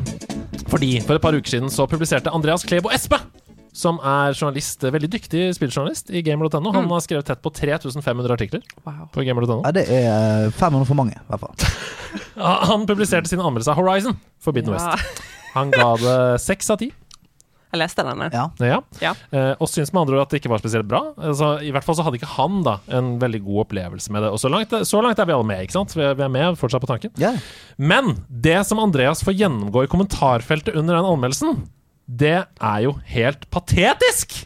Ja, var, Ja. var, det, var, det, var det trøkk da? Altså Folk skriver bl.a. at de håper at han aldri får lov til å anmelde et spill igjen. Oi. At han er en useriøs hipster. Oi, oi, oi. At teksten er ræl. Jeg sier bare uh, Breath of the Wild, to av ti. Nei, nei, jeg tuller! Jeg tuller, jeg tuller, jeg tuller, jeg tuller. Det er dette som er de nerdestrides. Nå, nå kommer det ting. Jeg, kjørte det safe meg, da. Men, Nei, men altså, min favoritt da i kommentarfeltet under var denne her, på engelsk. Oi. Your, your credibility is being questioned all over the world right now. Delete this review and leave it to someone else who enjoys the game. Der har vi altså da en internasjonal fyr som har vært på Metacritic for å ha sett, fordi det sikkert er ganske langt nede der, da. Så han oversatt teksten til norsk. Og så har han klikka seg videre og skrevet, lagd en konto på Gamer for å skrive i kommentarfeltet at journalistens kredibilitet Altså, det er det, Over det, hele verden! Det, er litt sånn som de som sender en klage til NRK. De, det kommer i brevform eh, veldig ofte. Og da blir jeg alltid fascinert av sånn Du har sett noe, det irriterte så mye at du har funnet papir, skrevet det med håndskrift, eh, opp i en konvolutt og gått ned på Har dere, eh, har dere frimerke? For jeg må sende dette her av gårde opp til Marienlyst, og så håper jeg at det kommer fram til riktig person der. Altså, den, den, det nivået av tid brukt på å si noe drit til noen andre, eh, den fordømmer jeg. Ja, ja. Altså, Helt enig. Ja, min poker i posten går jo til den oppførselen her. Det er sånn ehm, Selv om man er glad i et produkt, Mm. så betyr ikke det at alle andre er nødt til å være glad i det samme. nei. Og jeg skal være det. jeg, jeg leste den anmeldelsen, og jeg, det var så gøy, for jeg, han sier jo det, det er nesten motsatt av meg. Men sånn er det jo med anmeldelser. Altså, Ja, ja. Ja, Det tingene han ikke likte, var sånn Dette er spesielt bra. Ja, og alle tingene jeg satte pris på, det, det syns han var litt kjipt. Ja, men Skal alle spill være for alle? Nei. Vi, altså, vi, har, vi har så mange spill i dag. Kanskje litt for mange. Nei, vil ikke jeg holde meg enig i den. Men liksom, jeg jeg er ikke lagd Altså, jeg har ikke egentlig lyst til å spille Elden Ring, men det er jo et, kanskje et av de objektivt, i parentes, altså Mm. beste spillene som vi har sett på, på lenge. Det er banebrytende. Jeg kan se at det er liksom Hvis du snakker om i spillutvikling, så kan du, du Hvis du blir en bedre designer, så forstår du det at det er noe som ikke er for meg, og så er det noe som er bra designer, eller dårlig designer. De, de er liksom to Det kan være to separate kategorier. Ja. Um, Men, men poenget mitt er jo sånn at jeg er jo ikke enig i anmeldelsen. Men that's it. Det er sånn, jeg, jeg, jeg leser den, så tenker sånn Wow! Vi, vi, likte, altså, vi likte helt forskjellige ting her. Eller vi har en helt annerledes, annerledes opplevelse. Og så går jeg videre med livet mitt. ja. Eh, Jeg tror det handler om et sånt behov for at det skal trone øverst på den der metacritic-lista. ja, men At for, alle for, skal men for hvem? Ja. For, for uh, Sony? Historiebøkene. Uh, Ja, men det, er det, det, mener at det har ikke noe å si. Altså, det der mener jeg sånn eh, Folk som skriver i kommentarfeltet på VG-saker og alt mulig, det er Ikke bry deg. Altså, det er Det er så mye bedre å bare si sånn Du, vet du hva? Det der syns jeg er, er veldig teit, men det har ikke noe å si, for jeg syns jo noe annet. Ja. Jeg, jeg liker jo det spillet der. Det gir ikke meg mindre lyst til å spille det at en annen ikke liker det. Jeg, jeg, igjen, jeg synes det, det var kanskje en, en spøk sist gang da jeg sa at liksom, varierende karakterer er ofte liksom, et tegn på et uh, interessant liksom, kunstverk. Men det er ofte sant. Altså, sånn, eh, det, det, det gjelder ikke alt, men det er liksom veldig viktig at ting utfordrer og pusher grenser, og kanskje ikke Horizon Zero Dawn er den som pusher alle grenser. Um, det sa jo jeg noe om i sted. Mm. Men jeg synes det er en viktig ting å peke ut at journalister er de største nerdene jeg kjenner, som er lidenskapelig opptatt av hva de driver med, og de er ikke redd for spillutvikleren sine meninger. Når det kommer sånne samtaler om ethics and games journalism og sånn bullshit, så er det liksom De er ikke det, Forhandlingene og liksom De er ikke redd for hva spillutvikleren tenker. De er redd for egentlig gamerne, hva de kommer til å Mm. si. De vet at hvis de gir eh, Breath of the Wild 4 av 10 som har skjedd, f.eks. litt tilbake i tid når det launchet, så, så blir det liksom en harassment-kampanje som kommer, og vi Mm. Ja, det er modig å stå i det, da. Når det Ja, jeg, jeg tror kanskje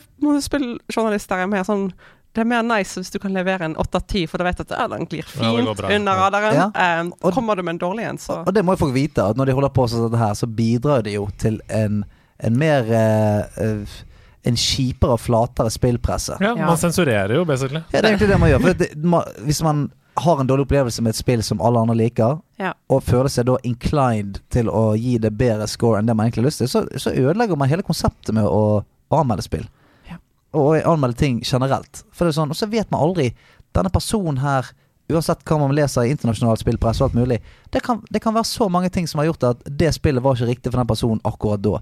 Det kan ha vært en skittig tid i, livet hvor dette spillet her bare ikke var det store det kan, Man kan ha hatt masse andre spill på agendaen, fikk liksom ikke helt tak i det. Uh, og sånn, sånn er det, selv om journalister skal være på en måte quote on quote eksperter. Faen, mennesker det òg. mm. Så slutt å, Ja, slutt slutt, slutt å være kjip med folk i kommentarfeltene, uansett hvor du er. Det var egentlig bare det. Ja, Er det greit? ja det er dønn greit. Korktavla den eh, nekter å gå tom etter at vi begynte å stille spørsmål på Instagram. Mm. Rart med det. Ja. Når det gir folk muligheten på en enkel måte til å stille spørsmål, ja, da renner det inn. Ja, da renner det. Ja, det inn. Så det har kommet masse spørsmål til deg, Å selvfølgelig. nei, hvor Ja, ja, koselig! ja, selvfølgelig har det det. Håper ikke det her handler om eh, Nei, nå er det sant. Nå, nå er det ikke fra Twitch, sikkert. Nei, det handler om Frekkhaug, Hylkje, Horvik, jeg er klar til å diskutere uh, Hylkje Spar. Spar-butikken, som hadde nice burgere i bake i 2008. Glenn er den første som spør. Hvordan i helvete får jeg meg en sånn jobb som deg?! Åh! Jeg har svar. Jeg har svar. Ja, kjør, kjør. Um, jeg er jo glad for å kunne være her for å spre det gode ordet av spillutvikling. Ja. Og liksom få folk inspirert til å satse på dette. Mm. Det er en risk. Men igjen, jeg syns det er veldig nice å, å gå inn um, på folkehøgskole. Mm. Fordi du faktisk får en mulighet til å prøve dette ut uten risk. Eh, og det er liksom det kan være kanskje det viktigste du kan gjøre. Men det fins eh, private og offentlige. En offentlig skole for spillutvikling i Norge. Jeg gikk den offentlige på Høgskolen i Innlandet. Um, det er en kjempenice liksom, muligheter. Eh, Det er på en måte en viss risk som kommer med det. Det er ikke så mye overførbare. Hvis du lærer 3D, du kan jo bruke det i liksom, reklame, liksom, design, 3D-design, sånne ting. Og programmering kan du jo bruke på veldig Det, mange ja, ja, hvis du blir programmer, da har du, da har du rekkevidde. Hvis du er en 3D-artist, så er det litt mindre. Men um, jeg, jeg liker jobben min, og liksom, du, har, du skal jo jobbe med noe du liker. Eller du skal jo Det, det er jo en personvurdering. Men hvis Mm. du er passionate om dette her Det er viktig at du er passionate, men du skal også bygge en realistisk liksom, livs... Du skal tjene penger til liksom, kanskje forsørge en kjæreste, kanskje et barn ned veien, og du skal liksom ha um, innkomster til å kunne leve bra. Det høres for meg ut, da, ut fra hva vi har snakket om i denne episoden, som at det er en fordel å være fleksibel med hvor man ønsker å bo. Ja, Altså, det er sant. Det, det- har blitt bedre etter covid, faktisk. Mange bedrifter hyrer liksom full, fulle liksom, stillinger nå eh, Mm. på distanse, og det har vært cruxen. Det er veldig mye av spillutvikling Mm. før. Du må bare flytte til liksom Berlin, null stress. Jeg har Mm. liksom kjæreste og et helt sosialt nettverk av venner, og hvis du er en person som liker å reise, så var jo det nice, men Mm. uh, jeg, jeg tror det åpner opp mer nå. Jeg håper det, faktisk. At det hjelper. Mm. Ja, men Det er gode tips, det her. Uh, Sofia hun skriver Hva tenker du på for å skape variasjon når du jobber, og alltid være kreativ rundt spillutviklingen? Ja. Uh, t- touch grass. Det, det er veldig viktig å få litt luft, eh, og Nei, jeg vet Altså, Ah, ja. Men altså, du skal jo jobbe med dette lenge sant? når du spiller uh, spillutvikler. Og um, du skal ha dag inn dag ut. Du skal være en ni til fem jobb ofte. Du skal jo kunne liksom Det er veldig viktig å ta spill For å lage spill så bør du kanskje liksom gå fjellturer, være ute med venner. Liksom leve et normalt liv også, som gir deg energi og inspirasjon til å holde på. Og ikke minst få inntrykk fra andre steder. Egentlig, Det, det virker som et liksom counterintuitivt eh, liksom, moment med dette, men det er veldig viktig. Og gjør ting som gjør Altså ja, skap arbeidsrutiner som du liker, liksom, og Mm. jobbe med. Ja, for det tror altså, jeg tror folk glemmer, i hvert fall i kreative yrker, og, og ikke sånn problemløsning Mm. generelt. Du, det er veldig sjelden at du får ideene når du sitter Ja. med PC-en, eller hva du skal gjøre for noe. Det er jo i dusjen, det er når du er på den turen, eller du er eh, ute, ute en eller annen tur, eh, og så ser du et eller annet som er sånn Ah! Altså, jeg har hørt utallige historier om f.eks. folk som, som er forskere og sånt Ja. hvor de snakker om at eureka-øyeblikkene kommer ikke i laboratoriet. Det er ikke sånn de står og grubler og ser på whiteboarden og sånn der du- Det er der du gjør tingene, liksom. Du Ja. utfører dem. Og det er også en veldig nice del av arbeidsdagen. Så jeg, liksom, for min del, så den, den gjøre-delen og den tenke-delen, den kan være litt separat. Og Mm. så er det nice å sitte der om dagen, liksom. Ha det, kjøp en god kaffe, liksom. Ha det fint, ha planter. Liksom. Hør på en podkast, kanskje, hvis du er en person som klarer å jobbe mens du hører på en podkast. Eh, liksom, eller bare musikk, og liksom finn liksom hvis du, hvis du gjør egenart spesielt, gjør ting som du liker å lage. Du trenger ikke nødvendigvis alltid gå for disse studiene av liksom anatomi. Du kan lage en supernice robot og bare bruke tre dager liksom på å lage Ja. den i all sin glory. Uh, og uh, For min del er det en av de tingene jeg elsket å gjøre på, på skole. var sånn Sitte ned og bare sånn Nå skal jeg self-indulge. Jeg kjøpte druer. Beste Oh. frukt. Um, liksom, og You crazy girl. ja, og så litt kaffe, da? litt kaffe, og du blir litt gira av det. Men så sitter du der, og så lager jeg spaceship designs, liksom. Ah. Og, og da var jeg liksom i et rette element. For det, det liksom, de gir så mye motivasjon til å holde på Mm. med å liksom lage ting som du faktisk liker. Um, men gjør Ja. Jeg liker, å, jeg liker å finne på navnet på biografien til folk. Og din er definitivt druer, kaffe og spaceship Oh, designs. yes! bra. Takk. Altså, den selger. Fra druer til droner. Oi! Takk. Ja, ja. Drue Barrymore. Oi! Nå Ok, nå må jeg stoppe nei, dette toget før det går ut for Det- det- kanten. Hva, hva syns dere om de nye starterne i Pokémon Scarlet Violet? Hvilken vil dere velge? Vi oh, ja! Der kom vi til det, ja. Ja. Jeg skulle egentlig ha tatt uh, det her i uh, Nerd Strides. For det er liksom Jeg, har- jeg syns at liksom Pokémon Designs har, har vært veldig bra i det siste. Men den, den pusekatten, den grønne pusekatten, den skal jeg ta. Men Kjenner jeg Pokémon-designer rett, sant, så skal de lage en eller annen sånn derre uh, bipedal sånn katteperson som står opp og sånn Altså, no offense to furries, men jeg vil bare liksom Please hold de på fire Ja, bein. ikke neste Liksom, i utvikling. Ja. Må, vi, må vi ende opp med en sånn fighter på Ja. to bein som skal se så tøff ut? Og, Ja. Eller Jeg er helt enig. kan, vi, kanskje vi bare lager en stor kattepus? Jeg, jeg syns det Ja, for jeg, Please, og, jeg, kan, jeg kan være med på en eller to, men når, når liksom alle er sånne Teenage Mutant Ninja Turtles, så er ikke jeg, jeg, jeg, kan være en, det kan være en eller to inni der. Så, så, I det de første 150, sånn, så har du på en måte Du har Hitmonchan, Hitmonlee, Lee. Så sånn Ja, greit, jeg kan være med på det, men hvis alle skal være sånne Reise seg og ja. Alle har motorsaghender og Ja, nei. Nei, det er Sprigatito for meg også. Gresstubekatten. Mest fordi jeg har lyst til å synge Sprigatito. Hele Altså, jeg, jeg, jeg var ikke sånn kjempeimponert av noen av de starterne. Fuakoko. Eh, Fukoko, ja, men sant. Krokodille sånn med ild. Ja, Krokoild. men har ikke vi sett det? Har ikke vi sett krokodillen med ild? Ja. Quaxley. Eh, Quaxley. Det der mener jeg sånn Det, er, det må være én gjeng der. Det er én gjeng eh, av Pokémon-designere. Jeg tror det må være samme jævla gjengen. Det er de som lager et sverd som heter Swordface. Mm. Og så lager eh, Skjelmet, som er bare en jævla hjelm med tryne. Som er bare sånn Vi er tom for ideer. Vi ringer inn den gjengen her. De har laget så mange Pokémons, Altså, det Ja, har jo gått så langt nå. Men det er en gjeng de ringer når de er dønn tom. Ja. Og det er de som kommer inn der, og det er de som lager Quaxley. Det er sånn som lager klink og klank. Ja, klink, den er litt klank. søt. Jeg må innrømme, hot take. Jeg syns den anden er litt søt, jeg. Ja. Ja, men han er søt. Han ser, men det ser ut som han kunne hatt en egen barne-TV-serie. Han Quaxley the Duck. Han er postmann eh, Postmann Er ikke, er ikke Bulbasaur søt også, da? Come on. Ja, men altså eh, hva, Hvilket design her? Det er bare sånn Ok, en and. Det er ikke noe sånn specimen heller. Det er bare en dønn generisk and. Sleng på han eh, en sånn konduktørhatt.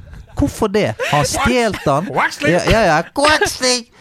Altså, det er For meg så blir det sånn Kom an igjen, da. Er det, det bare de det? Er det, en- er det en and med en hatt? Er det, det, er det, det, det er ikke en Pokémon for meg. Det er bare fuckings and med en hatt. Men eh, vi, vi får se. Det er liksom det. Den, den eh, Nå husker jeg ikke det spanske navnet på den katten igjen. Men Sprigatito. Sprigatito. Den, eh, den, er, den er jo en katt også. Det er jo ikke noe mer enn en katt med løv på. Altså sånn Nah. Ok, ok, men jeg bare sier at de, de blir jo ja, De kommer jo til å utvikle seg. Um, Ja, til, er, liksom, jeg- det er typisk den gjengen da som jeg snakker om. Som utvikler, de som utvikler de folka der, det er også som de som utviklet Kling. Det er sånn, ja, det er tannhjul. Hva utvikler de da? Fuckings to tannhjul. Å, hva er det største, da? Tre tannhjul på hverandre. Og så så han her kommer bare til å få større hatt. Han kommer til å bli en litt tjukkere and med en større hatt. det kommer til å bli sånn en engelsk flosshatt som er bare veldig stor. Ja, han får sånn Abraham Lincoln-hatt til slutt. Men er det trippel Sprigatito her? Nei, jeg, eh, jeg, jeg opt out. Jeg skal bare si sånn Jeg går ut uten starters. Jeg fanger den første jævla drittcenturyen som er i eh, gresset. Dobbel Sprigatito. Ja, jeg, kan- jeg, jeg, skal, jeg kan heller hive meg på han der uh, Fuakoko. Jeg Da tar vi en dobbel Sprigatito to go. Du tar Ja. en Fucoco med krem. Ja, det gjør jeg. Perfekt. Um, Hei sann, spørsmål fra en oppstartsoptimist. Norsk spillutvikling er i vekst, og det tildeles stadig mer til nye prosjekter. Men er det noe som kunne bidra til tryggheten for disse vanligvis små selskapene som satser alt på at produktet selger? Eksempelvis Pineleaf Studios, som nylig gikk konkurs, kun måneder etter lansering av sitt eget spill. Taper vi ikke potensielle stjerneskudd fordi det oppleves for risikabelt å starte for seg selv? Med hilsen en som kunne Ja, tenkt seg å prøve en dag. Jeg drar til utlandet, sånn som jeg. Nei, nei da. Eh, Nei da, unnskyld, norsk spillindustri.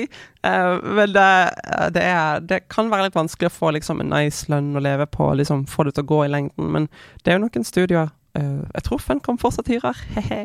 Eh, men eh, det Ja, for dette spørsmålet går jo på Ja, eh, å oppstart. starte for seg selv. Ja, Eh, Å starte opp sitt eget. Hva er det man kan gjøre for å få en tryggere hverdag inn i det? ja, det er jo disse fundsene da du kan uh, apply for. Ja. Eh, norsk eh, Unnskyld, hva er uh, uh, Det er fond. Det er ganske mange sånne fond Ja, ja, ja. du kan søke Mm. på. Uh, Eh, Frifond eh, og masse andre. Det er bare egentlig å søke på norske fond og, og bidragsytere. Men men det som er vanskelig med å starte opp for seg sjøl, er jo at det i, i sin natur er vanskelig. Ja. Det er Mm. risky. Og så har man i tillegg et produkt som man må synke mye tid og midler inn i. Og så skal du gjøre bedriftsgreier. Altså, Jeg vet ikke om dere har reklame på fiken denne gangen. Nei, det var ikke det, men men shout-out. Men uh, honestly, det hjelper å bare fikse sånne ting og vite at du skal gjøre masse sånne sideting annet enn lage spill. Det kan være greit å ha en person som er dedikert til sånne ting, som vet, som ikke lager spill. Mm. Altså, for du vil gjerne lage spill, og lage et bra spill. Ja. Men du vil ikke sitte der og Nei. føre regnskap og oh, nei, liksom nei, nei. lage Godt poeng. Så når du skal starte opp, så med en gang få med deg en venn eller en som tror på prosjektet ditt, Ja. som kan deale med alt det andre som gjør at du kan få lov til å Bli lage venner med noen på BI er liksom løsningen. Ja. Jeg vet Ja, for det, ikke. det, det å starte et selskap og så begynne å lære seg økonomi, no bueno. Ja. Vi tar et siste spørsmål her. Hei, og dette er litt interessant. Til nå har dere anmeldt allerede to spill til 100 av 100. Dersom vi ser på det rent matematisk, så henger jo en 100 av 100 en del høyere enn 10 av 10. Da en 10 av 10 på det laveste kan tilsvare 95 av 100. Eh, I de to anmeldelsene så hadde dere litt småplukk å utsette på spillene. Det var litt lite variasjon i musikken i Forsa, og at klatringen kunne vært bedre i Horizon. Burde ikke sånt småplukk trekke ned til f.eks. 99 av 100? Eller tenker dere at disse smågreiene utgjør under 1% av spillopplevelsen, og at en 100 av 100 derfor kan forsvares? Jeg skjønner at anmeldelser er subjektive, og at det er vanskelig å kvantifisere, men jeg syns det er spennende å Ja. høre tankene deres om Så dette. Kjøttet går. Hilsen Ragnar. Jeg kan ta altså min 100-100 av, eh, av, av Horizon. Den kommer jo av at jeg oppriktig mener at sånn i 2022, med de, de eh, verktøyene som er tilgjengelig, så syns jeg det skal, skal mye til for meg å kreve mer av et spill enn det det leverer. For jeg har det sinnssykt gøy med det. Jeg syns det ser fantastisk ut. Jeg har ikke så mye problem med dialogen. Eh, og Du blir Altså, rørt av ja, det. jeg, sitter, jeg, med ja, jeg blir giret, jeg får adrenalin jeg får, altså, Alle de følelsene som jeg sånn eh, Som jeg kan forvente. Og jeg syns det, det runner dritbra. Mm. Det Det er overrasker deg kanskje til og Eh, ja, med? men det er, jeg, jeg koser meg drittmye med det. Og klatringen er bare sånn De gangene jeg må klatre mye, så er jeg sånn Dette her kunne blitt gjort litt bedre. Men så tenker ikke jeg over det noe mer enn det. Men det er sånn Det er jo laget fordi at klatringen skal se bra ut og føles bra ut. Ja. Men når du skal klatre mye, så er du egentlig keen på bare sånn swipp, swipp, komme deg av gårde. For du har ikke lyst til å bruke sånn tre minutter på å komme deg opp denne, denne fjellskrenten. Eh, så for meg var det bare sånn jeg, jeg kan på en måte ikke si at det er noe her som ikke er godt nok. Da, da må jeg prøve å finne det. Altså Hvis ikke jeg skal gi det full pott, så må jeg finne den tingen som er sånn Men av klatringen så er det 98. Ja. sånn, ja. Ja, nei, det er jo uh, hans For min del, da, som ga 100 av 100 til Forza Horizon, så uh, er det jo noe av det han sier der, at disse smågreiene utgjør under 1% av spillopplevelsen. For Mm. det at det er litt lite variasjon i musikken på radioen. Det er jo ikke det Forza Horizon er lagd for. Kan spille med Spotify også. For eksempel. Ja. Jeg kan løse det sjøl. Um, men for meg, en 100 av 100 bare sånn for å definere det for all framtid, Mm. så er det sånn at hvis, hvis spillet er eh, Og dette sa jeg litt om i julespesialen også, men hvis spillet er kjempe, kjempebra, tilnærmet perfekt, men ikke tilfører sjangeren noe nytt, altså at det ikke er sjangerdefinerende, så kan jeg ikke gi det 100 av 100. Nei, nei. nei. Um, for min egen del. Og derfor ga jeg Forza Horizon 100 av 100, fordi det er tidenes beste arkaderacer. Mm. Hvis, du, hvis du skal se bakover i tid, så har det aldri kommet et bedre spill enn dette. Det definerer hele arkaderacing-sjangeren. Eh, og om ti år, hvis man skal peke på et spill som er sånn Ja, hvordan var den sjangeren igjen? Ja, det er det. Mm. Da er det 100 av 100 for meg, da. Um, uh, jeg, jeg kommer ikke på noe som en objektivt Arkaderacer-fan savner i det spillet. Og jeg kommer ikke på noen ting jeg savner. Og på toppen av det hele så på en måte pusher det grensen for hva den sjangeren skal være. Og da er det ti av ti. Mm. Et statement med 100, 100 da. Det er Ja. liksom også noe 100 som av 100, sorry, ikke ti av ti. Ja, ja, men også ti av ti. Altså, det er litt sånn Ikke at det er sånn veldig seriøst, men du husker jo når du kom på liksom, var på videregående, du skulle vente på karakteren, og så er det den læreren som er sånn 100 100 skal bety Det skal være eksemplarisk verk. Sånn, sånn, sånn bullshit. Og du bare 'Jeg gjorde alt riktig!' Jeg, hva er det du vil ha, liksom? Ja, du. Er Det var, det var dritbra. Sinnssykt bra utførelse. Men det, akkurat den lille tingen her Jeg var ikke helt konge, så det ble en femmer. Så, Hæ? Du sa jo at alt var helt Helt magisk. Bare sånn dritbra. Jeg ble, jeg ble, når jeg leste essayet ditt, jeg ble engasjert. Jeg ble, det er, du, du, har, du maler nydelige bilder. Men eh, akkurat den slutten der med, med den Falt litt av der, så det trekker ned helt karakter. Ja. Og det er litt den samme jeg føler når jeg, Mm. når jeg anmelder spill. At hvis jeg skal på en måte putte så veldig mye av sånn jeg- hvis, For du, du finner jo deg du, du finner jo deg i å, på en måte leite etter litt feiler når du anmelder, for du har, du har, det- du har argusøyne på. Ja. Du er det kritisk innstilt. Og da er det sånn, jeg tror det er lett Hvis du, hvis du leter for mye etter feilet, så finner du dem på en måte. Du skal, du, sånn som jeg gjorde med eksempel klatringen. Du finner jo det at denne Ja, det var ikke helt Og ok, når jeg er på mountain, da Kanskje det kunne vært litt Du ønsketenker litt fram til hvordan det, hvordan det kunne blitt enda bedre, men Mm. For meg så er det sånn Hvis jeg ikke har noe å utsette, jeg koser meg så faen meg Altså alle de checkboxene. Tiden flyr, det er gøy, det er engasjerende, Mm. det ser bra ut, det er, det er opp til bransjestandard. Ja. Virkelig. Ja. Ja. Helt gull, det. Ja, helt Da farer vi av gårde inn i Japans underverden. Oh, snips!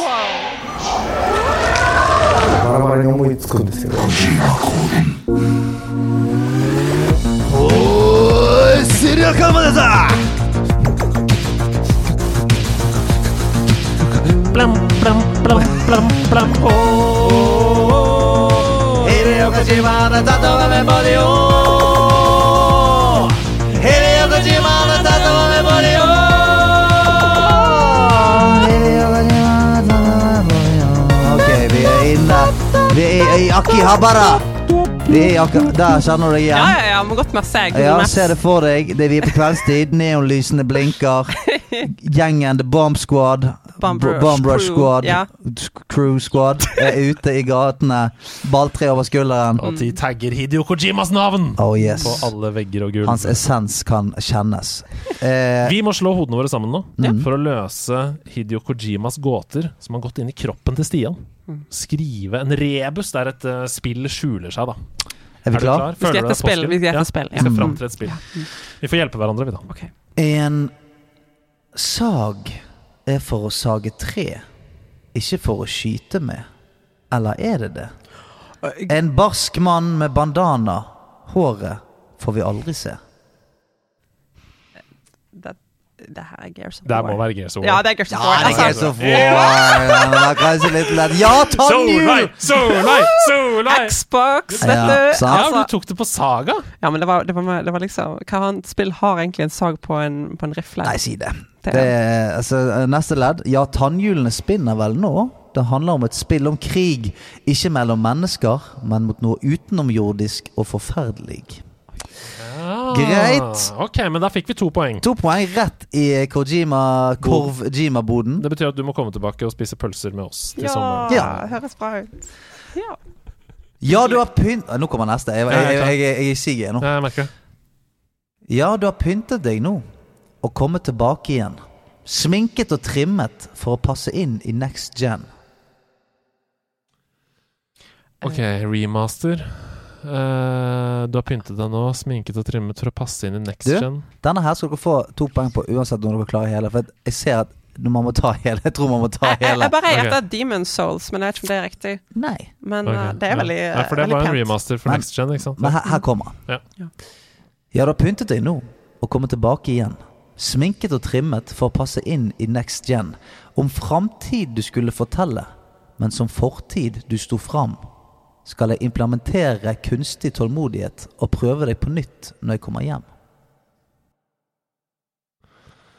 Ok, tidsreiser. eh, fortid og fremtid. eh, next gen. Om fremtid du skulle fortelle, men som fortid du Mm. sto fram. Ja. Skal jeg implantere kunstig tålmodighet og prøve deg på nytt når jeg kommer hjem? Hmm. Xbox, PlayStation, next gen Halo? Nei.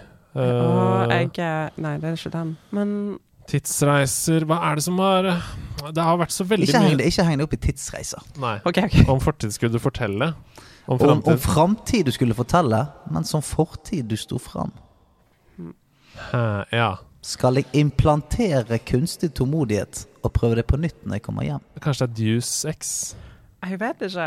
Jeg, Ja, du, er inn, du, er inne i, du er inne i landskapet. Jeg, jeg gjetter. Hva gjetter vi? Eh, jeg vet ikke. Vi gjetter ehm, eh, vi, uh, Det er en historie om framtid som kom for lenge siden. Skytespill? Jeg veit ikke. Eh, jeg står fast. Ok, jeg tar den på nytt igjen, og så leder jeg opp til svaret. Ja. Ja, du har pyntet deg nå og kommet tilbake igjen. Sminket og trimmet for å passe inn i next gen. Og framtid du skulle fortelle, men som fortid du sto fram. Skal jeg, skal jeg implantere kunstig tålmodighet og prøve det på nytt når jeg kommer hjem? Cyberpunk 2077. Nei! Å, det var Om synd. framtid du skulle fortelle, men som fortid du sto fram. Fuck, og nå selvfølgelig har det kommet til PS5-upgrade. Ah, Ja, er så tydelig! Sant? Det er så Ja. Endelig Skal jeg implantere kunstig tålmodighet? Oh my god. Selvfølgelig er det det. idioter. Ja.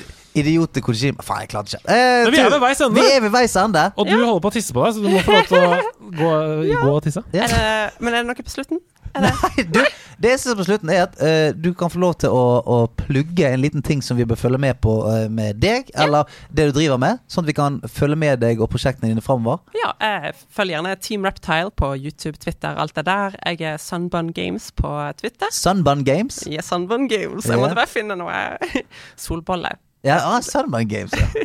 Men ja, eh, sjekk gjerne ut Bombrush Cyberfunk sine trailere, alt mm. det som kommer. Det kommer sikkert mer juicy stuff gjennom året, fram til launch. Det gleder vi oss til. Jeg ser at Du må Du skate deg ut. Nå så kan vi avslutte episoden. Ja. Eh, det har vært en skikkelig skikkelig gøy episode, Hedemann. Ja, så gøy det har vært! Ja, har Som lært- alltid, hver uke. Og litt nedi uh, dype daler, litt opp igjen. Mm. Håper ikke noen tok seg nær av at vi f.eks. Um, uh, snakket litt om Russland og Ukraina. Det er jo et minefelt, eh, men vi prøver å gjøre det med kjærlighet. Mm. Ja. Det handler ikke om underholdning, dette er forferdelige skjebner. Eh, men ved å gi det oppmerksomhet, så mener vi at vi er med å gjøre en, Ja. det vi kan. Da. Det gjør vi. Så ja. Og så har vi lært mye om Sunnhordland. Det har vi lært veldig mye om. Mye om Ja, klart og, og i Hylkje og, og Marikvål skole. Ja. For de som eh, liker sånt.